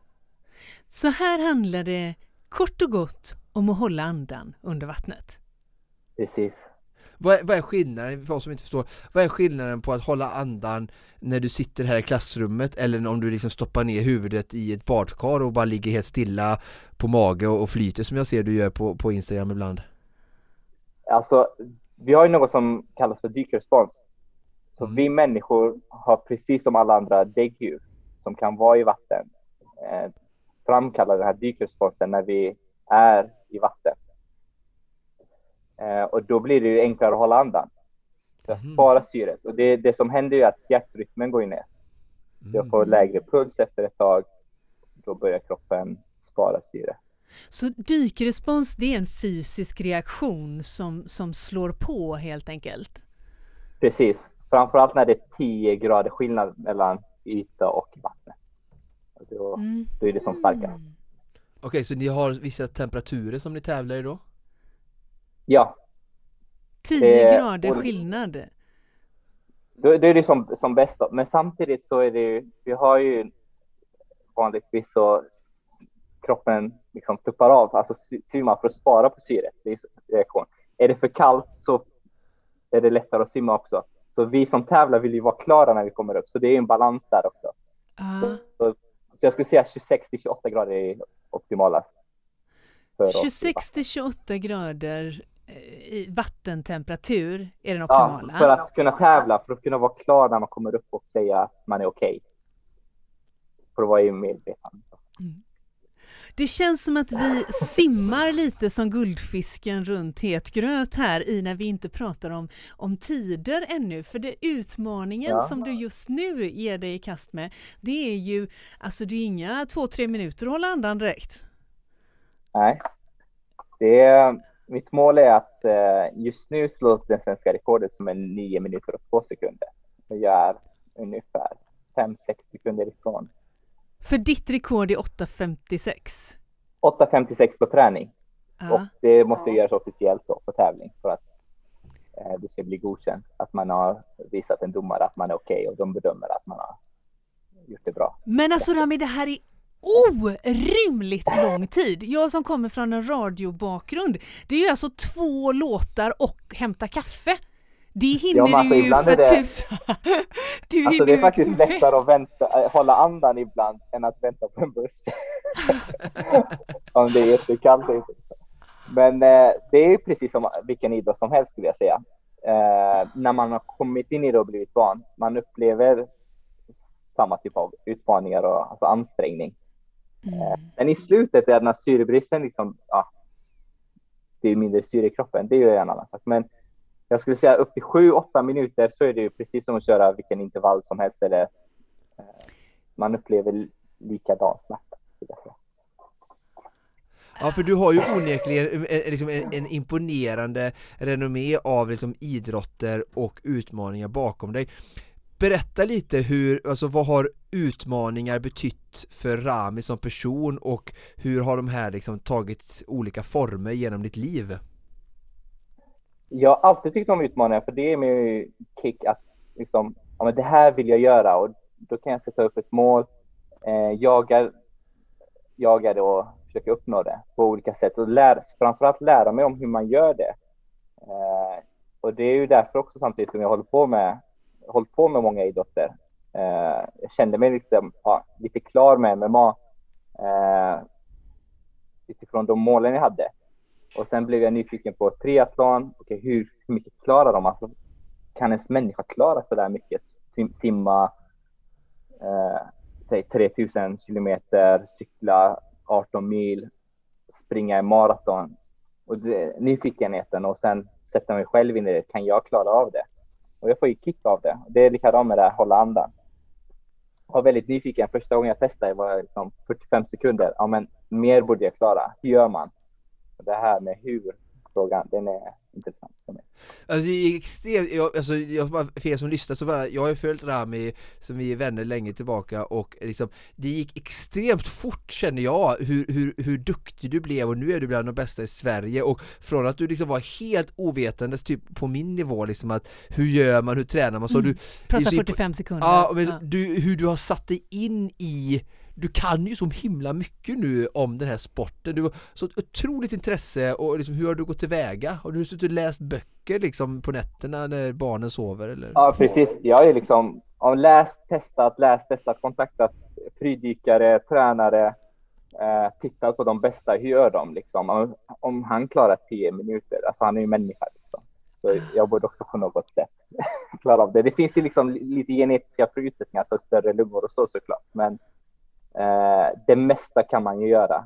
Jag tror att Mm. liksom vem som helst skulle klara 6-7 minuter med rätt träning och förstå men vad är det som händer med kroppen. Ja. Jag, jag, jag vet att, vilka är det som, vilka ställer den här frågan? Jo men jag tror det är en triathlonpodd eh, från Australien som jag lyssnar på och de brukar ställa den här frågan Vid vilken, om vi ser ändå, hur länge har du hållit på med fridykning nu? Ungefär? Tre år? Två? Tre år? Nej, ett och ett halvt. Ett- Oj herregud, så kort. eh, men får ändå kalla dig en gedi, du vet att du har tävlat i SM och du har liksom varit nära svensk rekord och du är väldigt duktig. Var någonstans under din korta då karriär eh, så, så, så insåg eller så förstod du att shit eh, jag kan nog bli ganska bra på detta så pass bra att liksom, ja, men tävla mot de bästa i Sverige eller i världen till och med och, och jag, jag ska verkligen liksom satsa liksom verkligen lite extra på detta Det var efter första tävlingen skulle jag säga. Så det var lite, jag ska bara tävla en gång, testa och så ställa upp i SM och se hur mycket jag klarar. Då, hade, då tänkte jag, men då kan jag kanske placera mig topp 10. Mm. Men första tävlingen så lyckades jag dyka två meter över kvalgränsen till VM. 189 meter. Hate when that happens. Då fick jag ju så här, såklart jag ska vara med i VM. Sen har det varit pandemi och det här. Men Mm. eh, så då, då blev det så här, men jag ska vara med i VM. Sen var det ju så här, jag tyckte det var väldigt jobbig sport från början. Alltså den ångesten man upplever, liksom panikkänslan, att man inte får luft. Det var väldigt jobbigt i början. Men nu när jag har hållit på och tränat ja, med fem, sex gånger i veckan, bara hålla då har det blivit så mycket en idrott som helst. Så därifrån byggdes det. Och hur tränar du? på många olika sätt. Eh, ett sätt är ju att öka CO2-toleransen, alltså koldioxiden, koldioxidhalten som ökar i kroppen. Och det är oftast det som eh, gör att man vill upp och andas. Mm. Eh, det blir för mycket koldioxid. Och eh, vi har ju en del av hjärnan som kallas för amygdala Mm. och den det. skickar ut panik. Eh, men den paniken planar ut med man tränar. Eh, och det är ett sätt. Sen låga syrenivåer tränar vi på också Okej. eh, för att hålla medvetandet lite. Och- Eh, Och rent har fysiskt, man- hur tränar du då? Vad, vad, vad gör du? Eh, för att träna på syrebrist då hyperventilerar jag eh, mycket. Vanligtvis ska man inte hyperventilera när man dyker, för då tömmer man sig på syre väldigt fort. Men det är ju tanken under träningen, att jag hyperventilerar och sen blåser jag ut luften jag har. Och sen försöker hålla andan där. När jag Fast du tar hyperventilerar luft i lungorna Ja, precis. Prova det Jag du hemma, folk, blås ut all luft ni har och sen håll andan Jag brukar göra tvärtom, jag försöker suga in luft och sen hålla andan Alltså jag känner att Ja, men då jag ju meningen syrebrist. Då har jag don't trade this at blodpåmätare. home. Ja, som mäter eh, syremättnaden i blodet och då ser jag att den tickar neråt. Ja.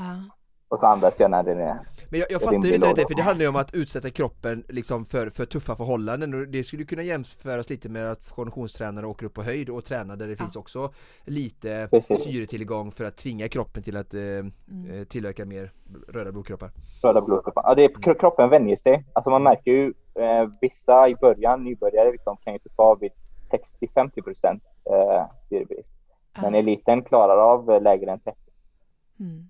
Var är du rent fysiskt när du gör den här träningen? Var befinner du dig? Är du hemma i sovrummet? Eller? Ja, berätta, vad du gör, berätta vad du gör varje morgon för Frida. Alltså när jag vaknar på morgonen, inte varje morgon nu, alltså det är lite jobbigt att göra det varje morgon. Men, eh, nej, men då vaknar jag och så andas fem minuter, liksom medveten andning. Och sen håller jag andan så mycket jag kan en gång. Då kallar jag det för morning back. Frugan försöker slå på honom så här, du Sami, och le. Ja, frugan har koll på mig. Ah, jösses namn eh, Rami. och vi är ju en konditionspodd, kan du applicera någon typ av konditionsträning i din träningsregim för att liksom Alltså, du vet ju själv, eh, du och jag har ju båda tränat triathlon eh, många år och konditionsidrott och där finns det ju tydlig kultur och liksom strategi för vad som är framgång för att liksom, ja, men, träna den typen av träning. Finns det någon träningskultur i fridykningskulturen eh, som, som liksom säger att amen, tre, gånger, eh, tre gånger i veckan borde ni köra eh, long slow distance konditionsträning eller intervaller för att liksom bli bättre på, på att hålla andan eller liksom, är det bara statisk apfena och liksom monodykning under vattnet länge liksom? Mm. Jag, jag tror själv att det finns en del, men så är det inte i triathlon. Det har varit väldigt mycket att man ska, hålla, man ska meditera, göra yoga eh, och det är det som behövs. Inte så mycket träning för att liksom öka på metabolismen. Men jag tror lite tvärtom. Eh, att det behövs liksom. Det har ju visat mig själv. Eh, har jag bättre VO2 max, har jag bättre återhämtning så kan jag hå- hålla högre mängd träning. Jag kan träna mycket mer. Ja, träna mer eh, fridykning menar du? Mm. Precis. Mm. Och, eh, men det finns inget riktigt sådär, om man kör du fy- fyra, fyra minuter så blir det bättre för det här. Eh, lite svårare. Men eh, det, det som händer för mig är att har jag kört mycket intervaller en period, eh, då minns jag där under tiden jag håller andan. Exempelvis, ja, men det här är ju liknande smärta som 400 meter. Just det. Nu, jag, i- nu har jag kört 300, eh, fyra, och så 100 meter kvar, sen ska jag vila 300. Men då liksom visualiserar det här så Mm. applicera smärtan, alltså det till anhållningen. Och- den konkreta utmaningen då att slå det svenska rekordet som är alltså, vad sa du, 9 minuter och 2 sekunder. Eh, när, när beräknar du gå i mål med det? Eh, väldigt snart tror jag. Alltså det jag väntar ju på tävlingar, att vi kan tävla igen efter pandemin. Ja, för det måste vara under officiella former eller? Officiella former, precis. Eh, organiserad tävling. Vad Med säger, vad säger liksom fridyknings-Sverige? Här kommer liksom en, eh, en lärare från Göteborg och bara kicka ass med allihopa. Är, är, har du någon konkurrent i Sverige och, och, och framförallt vad säger de som har hållit på i flera år och du är så duktig så här redan liksom? Känner sig hotad? Det, det har faktiskt varit så att det har varit många liksom, oj, nu har det kommit en kille helt plötsligt. Eh, och snart har jag inga konkurrenter tror jag. Eh, Men jag, har, jag, jag, tränar faktiskt, jag tränar faktiskt med han som har svenska rekordet. Ja, Okej, det är ju bra. Vi håller tid för varandra och pushar varandra. Och han slog ju svenska rekordet faktiskt under tiden jag började träna. Det var, ett, det var 12 års gammalt rekord på 8.43 innan det. Ah. Och sen eh, flyttade han den till 9.02 förra året. Vad, vad är det som händer där typ vid, du sa 8.56, vad, vad händer där vid 8.26? Vi börjar så här, är du liksom i någon slags så här typ av drömland där du känner dig drogad eller typ Ja. så här, äh, men eh, nu, nu, nu snart ska jag nog gå upp eller nej jag ligger nog kvar här en stund till eller liksom, Mm. hur går tankar, eh, finns det någon tankeverksamhet liksom? Ja, jag kan börja från början för det, just efter åtta är det jättesvårt. Jag minns ju inte riktigt efter åtta, men vi kan börja från början. För de fyra första minuterna så händer ingenting. Jag försöker verkligen inte tänka på någonting och bara, bara vara där. Ser du Eh, klockan? Nej, Så, du, så hur vet du att du har, ja, nu är det typ fem, nu är det rätt bra liksom? jag har en coach bredvid mig som säger till mig, då, beroende på hur jag känner, hur formen är, så säger jag innan, precis innan start, säg tiden från fyra minuter exempelvis. Då är jag bra form. Är jag lite sämre form så vill jag veta tiden från tre minuter. Då är det första, den här kontraktionen, sammandragningen som händer i kroppen, att diafragman vill jobba för att dra in luft, kommer den känslan då. Och då vill jag veta första tiden. Och- så ibland händer det att det kommer vid fem minuter, det har hänt vid sex minuter också, men jag vill ha vid fyra minuter, då är det helt lugnt. Och sen när det kommer, då är det ju egentligen jobbigaste perioden, det är där, då är det gärna skicka den här paniksignalen som det här är inte bra, du måste upp och andas. Mm. Uh, och så tänker jag liksom, ja, men det här liksom, jag måste bara slappna av, nu kommer det plana ut. Det försvinner faktiskt paniken vid sex, sju minuter. Men då vet jag att nu, nu börjar det ju... Sofia, du behöver bara ta det till sex, sju minuter, sen är du liksom hos. Sen är du box. och då är det mycket, jag visualiserar all träning jag har gjort, de jobbiga perioder jag liksom, jag minns när jag sprang, eh, väldigt ofta minns jag det här, när jag sprang Vansbro triathlon. Eh, jag hade, jag, var, jag hade liksom väldigt mycket smärta efter cyklingen och sprang. Jag tänkte bara, men jag har gjort det där. Och så klarade jag det mig till sju minuter. Och sju minuter, då är det ju bara en, två minuter kvar. Ja, Puff. Ja, och då tänker jag, nu är det sista spurten. Och ja, försöker, coachen brukar ju hålla, eh, prata med mig lite i slutet så att jag är vid medvetande då. Vad är mm. det här? Eh, eh, upp med högerhanden eller upp med vänsterhanden. Eh, så vet de att jag är med. Mm. Jag har ju händerna fram. Efter 7, 7.30 så har jag händerna fram. Mm. Så jag greppar för att komma upp så snabbt som möjligt. Det är egentligen bara det. Och sen känner jag att jag inte kan hålla luften och det är det sista. Kroppen blir så svag att jag inte kan hålla luften och då vet jag att det är dags att komma upp. Bubbla ut Men, men, men, men jag måste bara säga, när du hade 8.56 då visste du antagligen var 9.02 att det var svensk rekord på träning? Ja, men jag, då, var, då, då var jag hemma faktiskt så då blev jag inte coachad så rätt. Det var ju frugan som hade bara koll på mig. Ja. Eh, och sen hade jag målet var att göra åtta minuter. Och, eh, och så tänkte jag, ja, men lite till, lite till. Så jag upplevde ju inte tiden. Det var bara tills så mycket jag orkade. För men, jag tänker, nej, ja det är lätt att tänka liksom att, ja men bara sex sekunder till, men jag menar, det, någonstans måste ju gränsen ändå ja, gå liksom, ja. för det går inte att tänka så här att, ja men 9.03, alltså ta nästa, ja men 9.04, det, det måste finnas något stopp. Ja, problemet är att man tuppar av. Så fort jag släpper ut luft så blir det ju då går ju syre, alltså syrenivån väldigt lågt. Det går ju väldigt fort det sista. Då är en, två sekunder väldigt mycket. Mm. Varför släpper man ut luft menar du? Eller är det en taktik eller? Jag, jag, jag, eh, det är väldigt olika hos vissa, men jag, eftersom jag packar in så mycket luft och så har jag lite i kinderna också. Mm. Jag tänker så här, ju mer luft desto längre kan jag hålla andan. Eh, och så har jag så mycket luft och så blir det så starka kontraktioner. Och så blir jag svagare i kroppen för att syrebristen är låg så kan jag inte hålla kvar den. Mm. Och då börjar den puttra ut genom munnen menar du eller? Mm. Ja, precis. Det har ju hänt att även när jag håller för munnen så kommer det ut sen då. Då går det genom öronen. Och då är det oftast jag har haft som mest syrebrist. Ja, och då, då, det, det, det, då är det nära på att då, då är det, måste man upp liksom. Mm.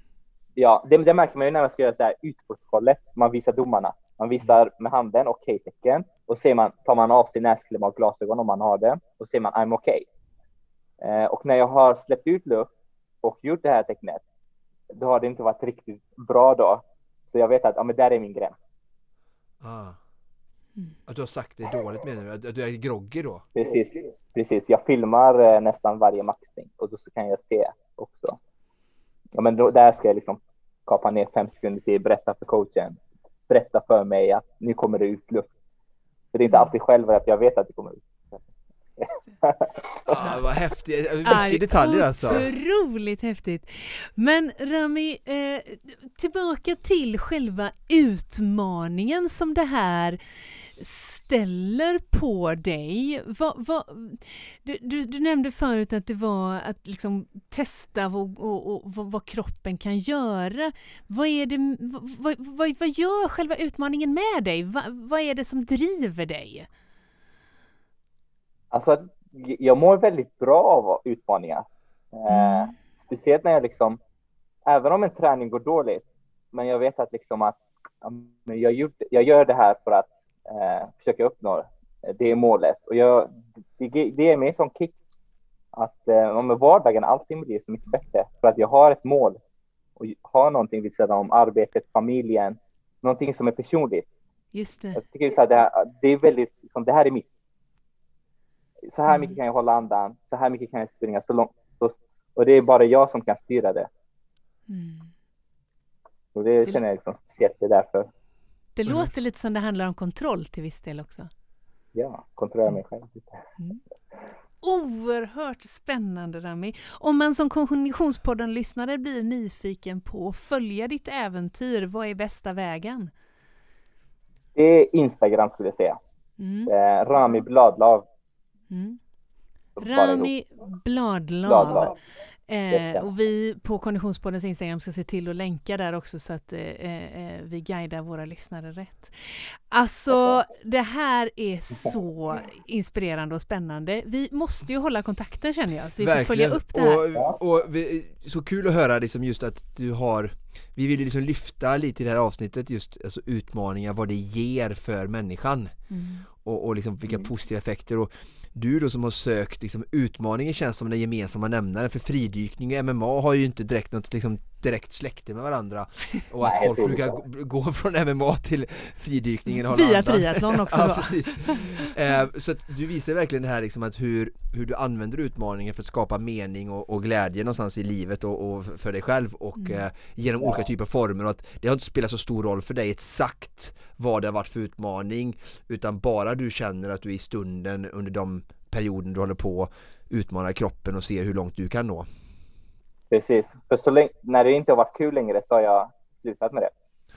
Så himla bra, det, det, jag tror det är så himla bra just det han säger, inte, inte kul längre att folk verkligen vågar det här liksom att jag måste inte göra ett Göteborgsvarv eller ett, ett Vasalopp eller något sånt där som många andra gör utan att är det inte kul take your eyes off and, and, uh, Och find something new. Ja, precis. Ja. Bit i! Ja, otroligt inspirerande Rami. Eh, tack Tack så hemskt mycket. för att vi fick ringa upp dig. Jag misstänker att dina elever är på väg in alldeles strax från, från ja, rasten. om en kvart. De har haft lunchrast. Ja. De har fulla med energi igen. Mycket bra. Ja, stort lycka till med utmaningen att alltså hålla andan i längre än det svenska rekordet. Vad sa vi? Nio minuter? Två sekunder. Två sekunder. Två sekunder. Tack så mycket och tack för, att jag fick vara med. Ah, lycka till! Ja, tack. Hej då! Hej då!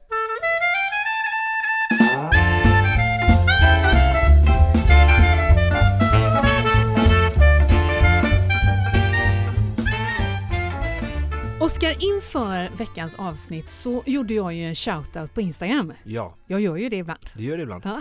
Om du som lyssnar inte följer oss så är det dags att börja göra det. Vi heter Konditionspodden i alla sociala medier. Men i alla fall så bad ju vi om eh, förslag på spännande utmaningar. Och vi fick en hel del svar. Mm. På personer som har liksom stundande utmaningar framför sig. Exakt. Mm. Och våran trogna lyssnare Fredrik skrev ni måste kontakta Benny. Jajamän. Så nu gör vi det. Hej Benny! Hej! Hur är läget? Jo tack, det är bra. Det är varmt. Jag sitter i en bil här så att det är en Ja. avstängd bil så det är varmt och skönt. Vi har ju kopplat upp oss på länk. Eh, lyssnarna får ta del av ljudet men vi har dig faktiskt på storbild här inne i studion. Var befinner du dig? Just nu sitter jag utanför Djursholm träningscenter. Såklart att du gör. Vad har Ja. du tränat idag Benny? Ingenting än så länge, men jag ska gå in och köra ett intervallpass om, eh, ja, så fort vi har lagt på det här. Okej, vad blir det för intervaller i form av? Det blir fyra gånger fyra minuter på löpande då. Mm. Så att eh, jag passar på att springa på löpande när solen skiner. Okej, bra. Du eh, eh, Benny, vad, varför skulle du gissa att eh, våran lyssnare Fredrik tipsade oss att ringa upp dig i just utmaningssyftet? Eh, alltså jag har ju gjort vissa utmaningar tidigare och jag har en utmaning som kommer i sommar. Så jag vet faktiskt inte om det är vad jag har gjort eller vad jag ska göra. Men Jag tror att det är den som stundar. ja, den som kommer, ja men då är det att jag ska köra 21 Ironman på 21 dagar. Den lille Nette. Alltså simma eh, 3,8 kilometer, 3860 meter, cykla 18 mil och springa ett maraton i 21 dagar i sträck. Eh, liksom bara backa bandet där. Vad- En Ironman brukar räcka för människor i vanliga fall men, men liksom 21 Som livsutmaning. Ja precis Ja. men, Men det du- finns faktiskt en, 21 en liten twist till på, på den här grejen som jag inte har gjort offentligt, men jag kan väl ta det nu på en gång när jag har er här. Ja. Och det är att eh, alla Ironman ska ske i ett eget län.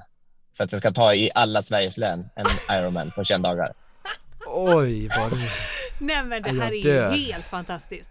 Jag, jag, jag, jag vågar lova att programmet Landet runt kommer att uppmärksamma Ja, detta. ja. Det får vi vi ringer Henrik hoppas. Krusvall efter vi är klara här. Men du, du alltså, men backa nu. Vad, hur föddes den här idén? och vad är det som är fel i ditt huvud? Nej men alltså grejen är jag har alltid gillat med, alltså utmana mig själv på olika sätt och jag har kört vissa ultratriathlon nu. Jag körde ju en däck Ironman 2019, vilket är tio gånger Ironman. Mm. Uh, och sen har jag kört några trippel Ironman och sen så, så har det vuxit fram och sen med hela den här coronagrejen när allting är inställt så kände jag att jag liksom, uh, jag måste hitta på uh, saker att göra själv och då det finns ju inte så här många Ironman-tävlingar i Sverige. Och då passar det bra att ta det ett coronaår när jag gissar att det mesta är inställt. Så då kan man ju liksom köra sina egna utmaningar. Just det. Och varför 21? Ja, för att det är 21 län och det är år 21 så jag tyckte det passar bra. Ah, 2021, 21, 21 är det, nej 2021 2021 är vi än så länge faktiskt. Inte 21, 21, nej just det. eh, och sen, just det, det finns 21 län i Sverige, okej. Okay. Ja, det, vad, vad, skulle ja, vi måste ju fråga lite här nu, alltså kul med det här med län, alltså då är, tänker jag direkt då Norrland, men då kan man ju fuska och ta det söd, södra delen av Norrland. Jag skulle inte då. kalla det fusk faktiskt. Nej.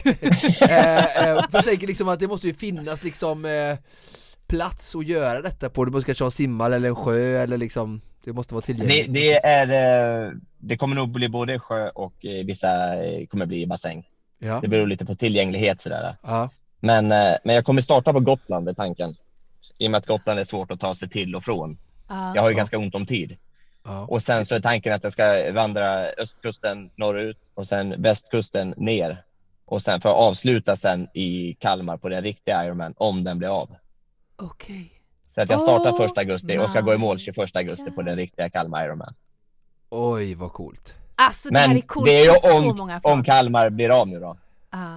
Du, du, kan ju göra det ändå vill jag bara flagga jag kommer, för. Jo men jag kommer ju såklart göra det i alla fall. Men ah. eh, det är roligt om det hade blivit på riktigt så att säga.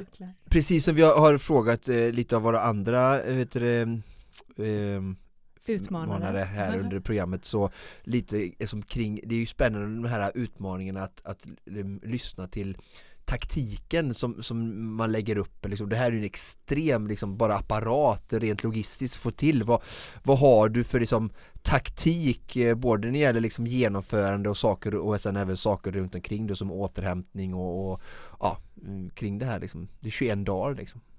Jag kommer ju ha ett team med mig Mm. Eh, såklart så jag själv slipper sitta och köra husbilen mellan ställena. Så där är ju lite återhämtning har jag tänkt. Ja. Eh, sen får man väl se lite grann. Vissa län kanske det passar väldigt bra att cykla igenom länet så man sparar transport redan där. Just det. Eh, vissa län kanske är väldigt kuperat. Man försöker ju, om vi tar ditt uttryck, och fuska lite då, så man kanske inte tar den värsta vägen hela tiden, utan man försöker ändå liksom hålla igen på, på onödig energiförbrukning på det sättet. Ja. Eh, men sen är det ju liksom, man får ju inte, man får inte gå all out första dagen, utan man måste liksom man måste ju försöka ha ganska eh, komfortabla resor i början.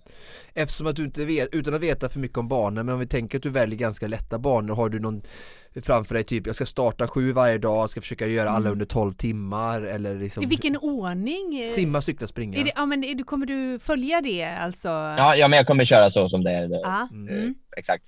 Eh, nej, men det, det, blir ju liksom eh, under 14 timmar är ju nästan ett måste tror jag att man gör, i alla fall i början. Så jag, jag, har sagt mellan 12-13 timmar vill jag ligga på, på varje ja. Ironman för att känna att jag är liksom, ja för återhämtningens skull. Man måste ja. hinna sova rätt mycket ändå på de här dagarna. Just det. Eh, men det är ju inte så liksom... jättemånga timmar kvar vill jag bara upplysa dig om då på ett ja, men Jag ska inte göra något annat än det här heller de här dagarna hade jag tänkt. Så att Nej. Är jag klar på 13 timmar så kan jag ju liksom vila 11 timmar nästan.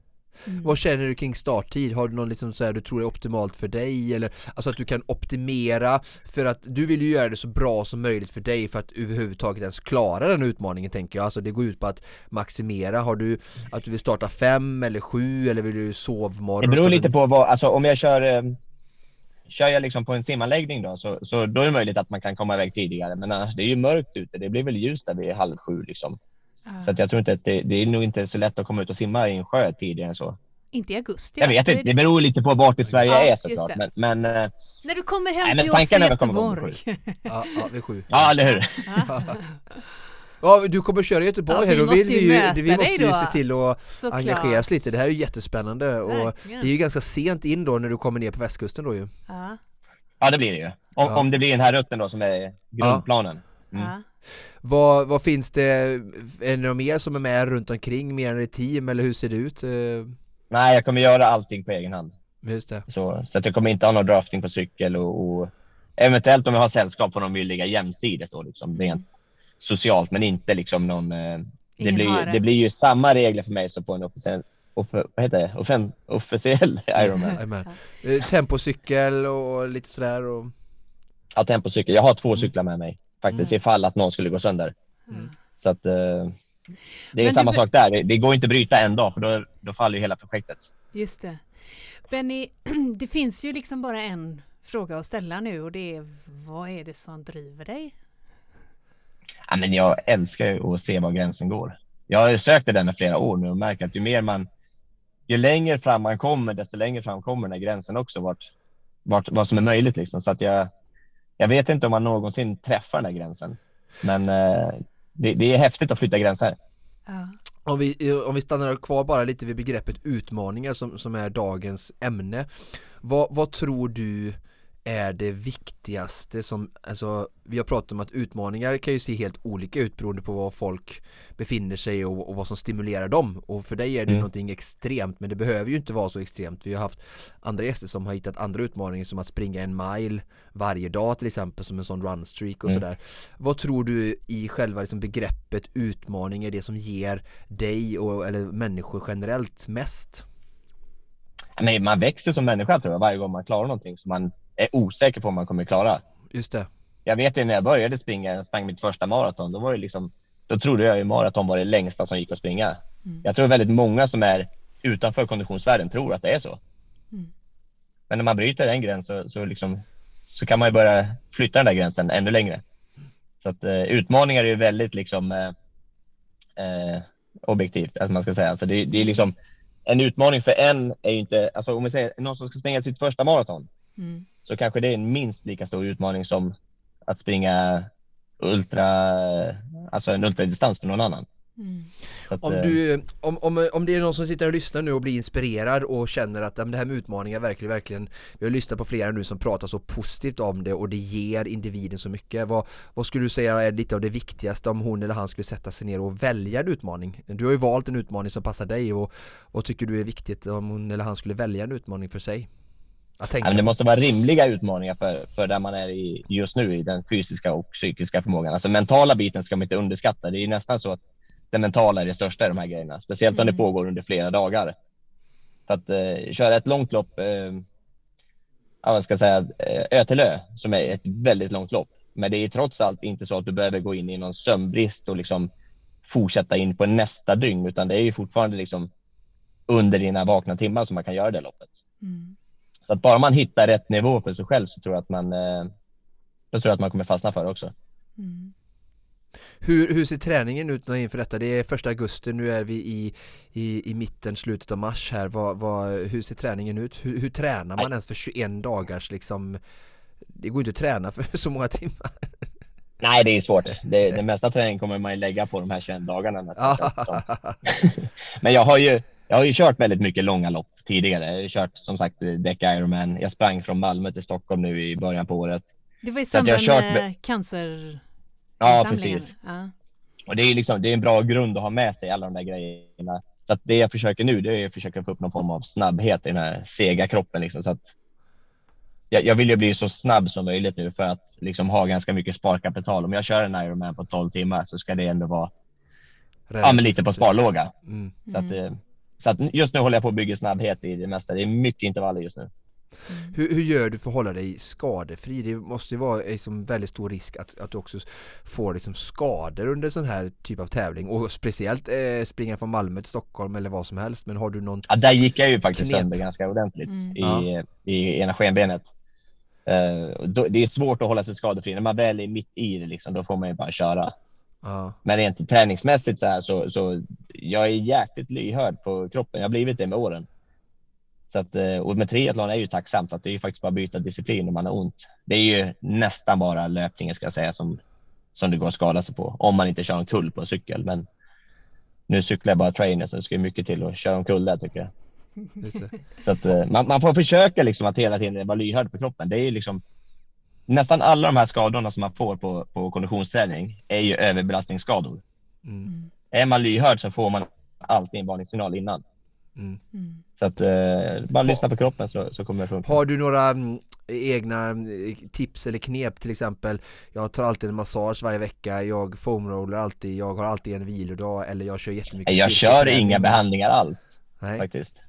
Det, det, Har du några andra knep? Sover alltid nio Eh, timmar? Nej, jag sover väldigt lite också faktiskt om jag ska vara ärlig. Så att, eh, man hinner inte sova så mycket. nej, men jag, jag, eh, nej, men jag lyssnar på kroppen. Jag, alltså, jag har inte ett träningsschema som är spikat. Alltså, många, många skriver ett träningsprogram och sen så är det liksom hugget i sten. Det kommer aldrig funka. Utan jag, är- jag är väldigt så här, dag till dag. Jag vet vad jag vill få ut av en vecka, men sen så får jag välja den dagen som passar bäst. För att jag har ju småbarn och det händer ju massvis med grejer varje dag. Liksom. Mm. Så att, eh, men jag har lite tur. Jag har löpan hemma och jag har eh, cykel hemma så att jag kan lägga mycket tid på kvällarna när barnen sover. Just det. Hur ser en, en, en ungefärlig vecka ut nu då om du får bestämma? Du säger att du har ungefärlig koll på vad du vill få ut med en vecka. Vad, vad vill du få ut med den här veckan? Vecka 12 är det nu tror jag. Ja, jag Alltså, har ju rent- löpning då Ja, fyra gånger eh, fyra minuter idag ja, som jag ska springa. Sen på fredag hoppas jag, då, fredag eller lördag. Eh, jag leder de två dagarna. Då ska jag springa 20 gånger 1000 meter ja, och då springer jag 4.15 fart så det, det är ju ganska hårt pass ändå liksom för mig. ja, ja. Eh, och sen så har jag tre stycken intervallpass på cykel. Jag har fyra gånger fyra minuter på cykel, fyra gånger åtta minuter och tre gånger tio minuter. Så du vill få in Så det, är de, det är de grundpassen som är Ja. den här veckan.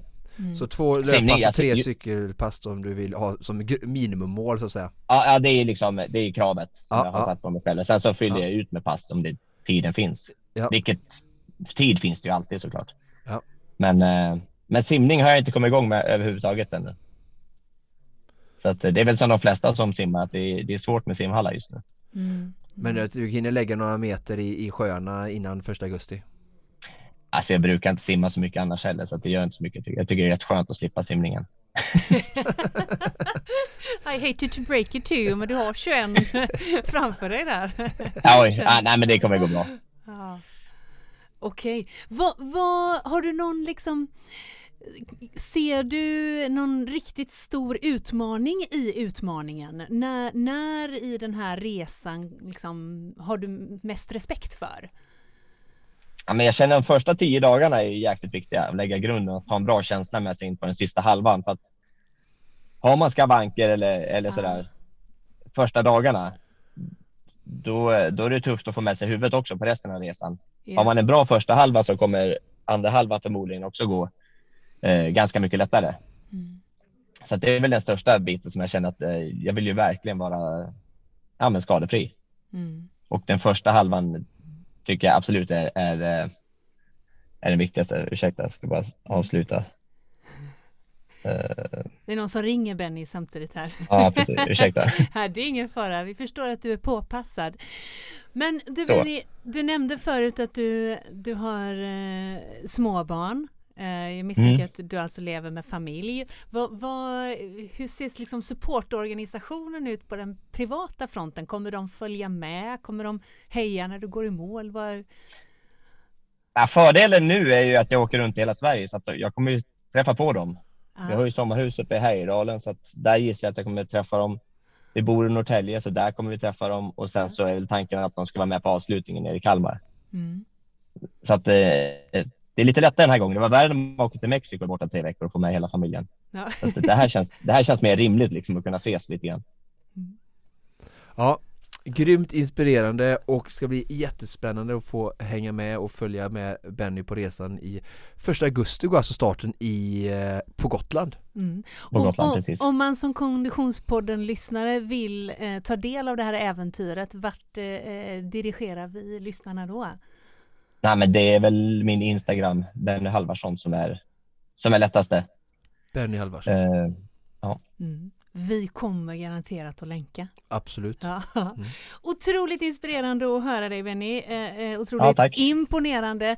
Eh, vi håller tummarna och säger ja, lycka till då. ja, tack så mycket. Tack Benny. Ha det gott!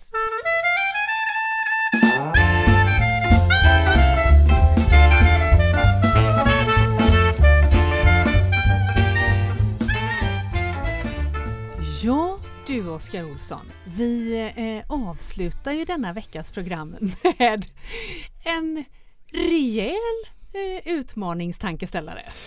Ja, det sätter ju Supervasan i perspektiv och jag får alltid höra att jag är värst höll jag på att säga. Men här är jag ju liksom en enkel motionär höll jag på att säga med en, en, en enkel utmaning i jämförelse med 21 dagar eh, då han ska göra i princip en Supervasa varje dag 12, ja, 13, 14 ja, det, timmar. Det var väl i och för sig att ta i men, men, men det är en, en otrolig utmaning han står inför alltså. Ja.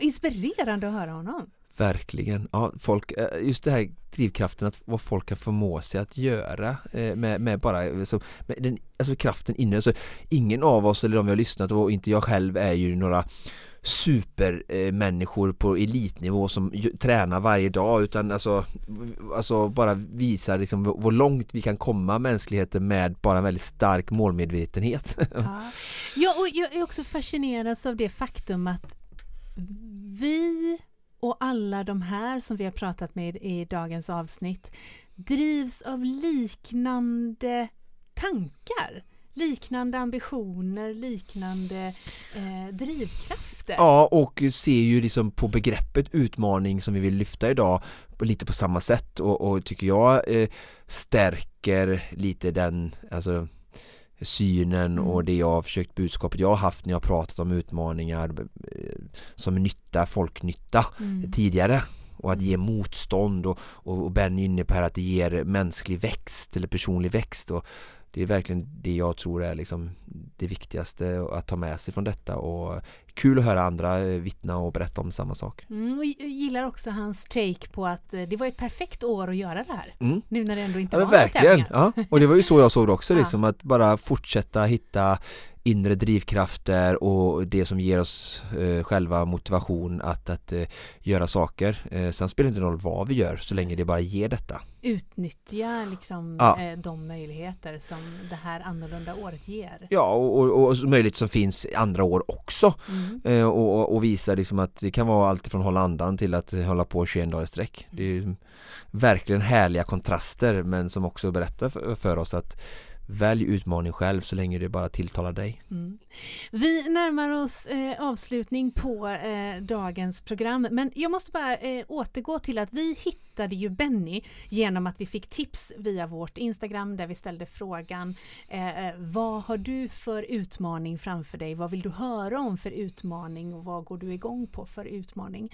Eh, där fick vi tips om Benny men vi har också fått andra frågor och reflektioner eh, och även om det inte är regelrätta utmaningar så har jag två stycken eh, eh, frågor eller reflektioner där som jag bara vill lyfta lite kort Oskar. Mm. Det ena är en tjej, tror jag det är, som har skrivit eh, som svar på den här frågan då eh, att hennes utmaning är att träna utan krav på prestation, bara för välmående. Mm. Och det skulle man ju kunna tänka att det är ställt lite grann som en retorisk fråga. Hur gör man det? Har vi några tips till den här lyssnaren? Ja men jag tycker ju att det är lite det jag var inne på när vi pratade efter tror jag eh, Linas eh, intervju här att det var det här lite vi och dem förut. Ja. Alltså att de som gör de här utmaningar som vi, vi får, får citationstecken kalla för utmaningar. Ja men Göteborgsvarvet, mm. Lidingöloppet, Vasaloppet, Stockholm Marathon. Liksom. Klassiska mm. sådana utmaningar, långa lopp som någonstans här. Det måste vara en viss distans eller ett visst lopp för att den ska kunna kallas som en vedertagen utmaning i folkmun i samhället. Och, och, och, nu känner jag liksom med den här runstreaken då med 1600 meter då som är något helt annat än ett, ett långt motionslopp visar ju det här liksom att det finns verkligen ingen fast norm eller en, att det behöver vara en typ av prestation som hon skriver här i frågan bakom eh, utmaningen för att det ska få ens få kallas en utmaning utan Nej.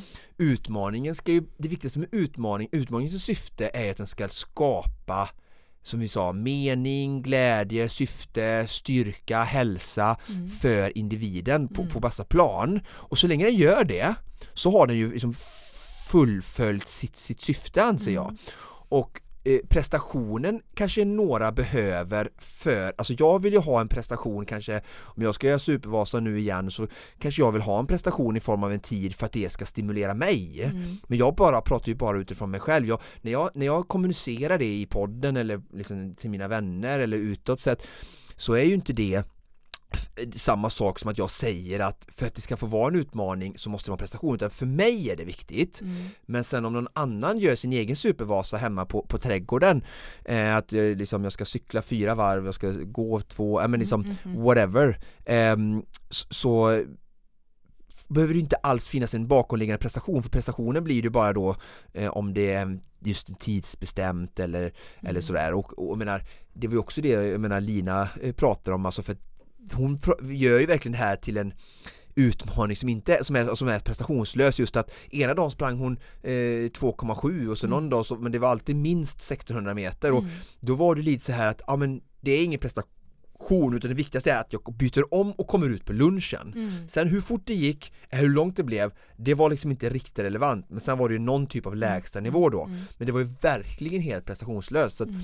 det tycker jag verkligen att Alltså att hon i den här frågan då kan liksom nu ha lyssnat på hela avsnittet ta till sig det här att Helt prestigelöst, helt normfritt Välja en utmaning som passar just dig Stå för det Våga tro på det Oavsett vad folk tycker Mm. eller säger Så länge du känner att det ger till dig, det är väl det viktigaste? Mm. Eller förstår du? Alltså, Mm. det är samma sak vi väljer eh, arbete eller hobbys eller liksom aktiviteter eller kaffe som du och jag drack idag alltså, Det spelar ingen roll vad, vad någon annan tycker, så länge du trivs med det Mm. så, så är det ju liksom bra så Mm. att liksom och jag, jag, jag kan möta många eh, i, människor i detta att jag förstår att jag förstår utmaningen i att stå upp för det i ett samhälle där det kanske redan finns lite förutfattade ja, regler, normer eller föreställningar hur en utmaning ja, Mm. du vet, samhällsmässigt Mm. godkänns på något sätt.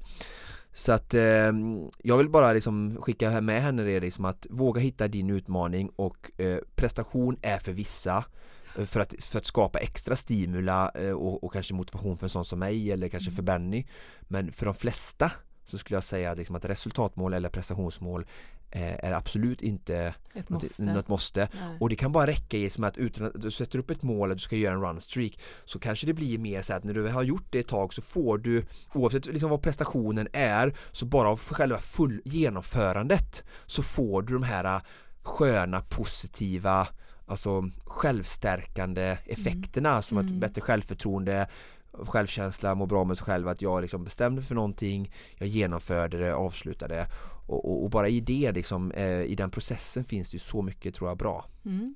Mm. Inspirerande och eh, eh, hoppas att eh, du som lyssnar tar med dig det som just du behöver i din träning just nu. Vi hade ytterligare en fråga Mm. och den eh, eh, frågan kommer från en av våra eh, Konditionspodden-följare som kanske sen vill haka på Benny, vad vet jag? Frågan lyder eh, grundträning inför Ironman 2022. Största utmaningen är lära mig simma energisnålt. Tips på det tack. Eh, det känns som att det är två frågor eller? För, Mm, först är det så här, eh, ja men grundträning, är det grundträning Alltså han, simning jag tror att eller han befinner sig grundträning? nog i grundträningen inför... Han befinner sig i eh, grundträningen. eller hon. Just det, eller hon, eh, för eh, Kalmar 2022, vi är alltså typ 18 månader ut knappt, Mm. eh, 16 och eh, Om det nu, det står i och för sig inte Kalmar, det står Ironman 2022 bara. Ja just det, Ja. eh, det står bara Ironman ja. Mm. Men jag tänker så här att vi kommer ju återkomma säkert till det men eh, om, om vi bara tar den konkreta då, lära mig simma energisnålt. Är det nästan så att vi vill utlova ett poddavsnitt om detta? Om att simma mer? Ja, om det finns en stor efterfrågan så vill Mm. vi såklart ge det till våra lyssnare. Men eh, om vi fokuserar bara på simning då, inte grundträning eh, utan vi bara fokuserar på simning och energisnålt så är ju det eh, två saker. Bli bekväm i vattnet Mm. och sen då ha en bra, eh, jobba jättemycket på tekniken. Och det låter ju kanske lite luddigt men jag ska berätta lite vad, jag, vad det är jag varför och hur jag ser, alltså jag har ju varit med om så många som har Jag har coachat så många och men framförallt ännu fler kommit i kontakt med. Eftersom jag hänger mycket på simhallar och i själva triathlon community i Sverige så vet jag hur det funkar och vad som är utmaningarna och jag är själv människa och har känt på dem.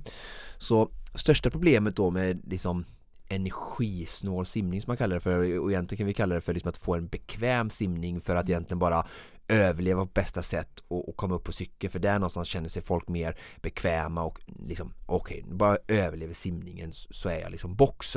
jag förstår dig som lyssnare som skriver den här frågan och alla andra just liksom rädslan och, och det obekväma med liksom att kasta sig ner i, i havet och, och simma liksom för att vi är ju inte, vi kommer ju inte ur, ur havet sprunget utan vi är ju landdjur någonstans va. Mm. Så att, eh, och, och så att därför är det så himla viktigt att först då bli bekväm i vattnet och det får vi genom att vi, vi krålar, eh, alltså simtränar i bassäng och öppet vatten så mycket vi kan. Så att lägg ett fokus på, att, eh, och i den, i den aspekten så handlar det ingenting om hur långt du simmar eller liksom hur fort det går eller någonting utan det handlar bara om att bli vän med vattnet. Alltså när jag går in och lägger mig i vattnet så jag är aldrig rädd eller jag är väldigt trygg. Jag är lika trygg bokstavligen i när jag går i en sjö och simmar med våtdräkt som jag är när jag går ut min löprunda.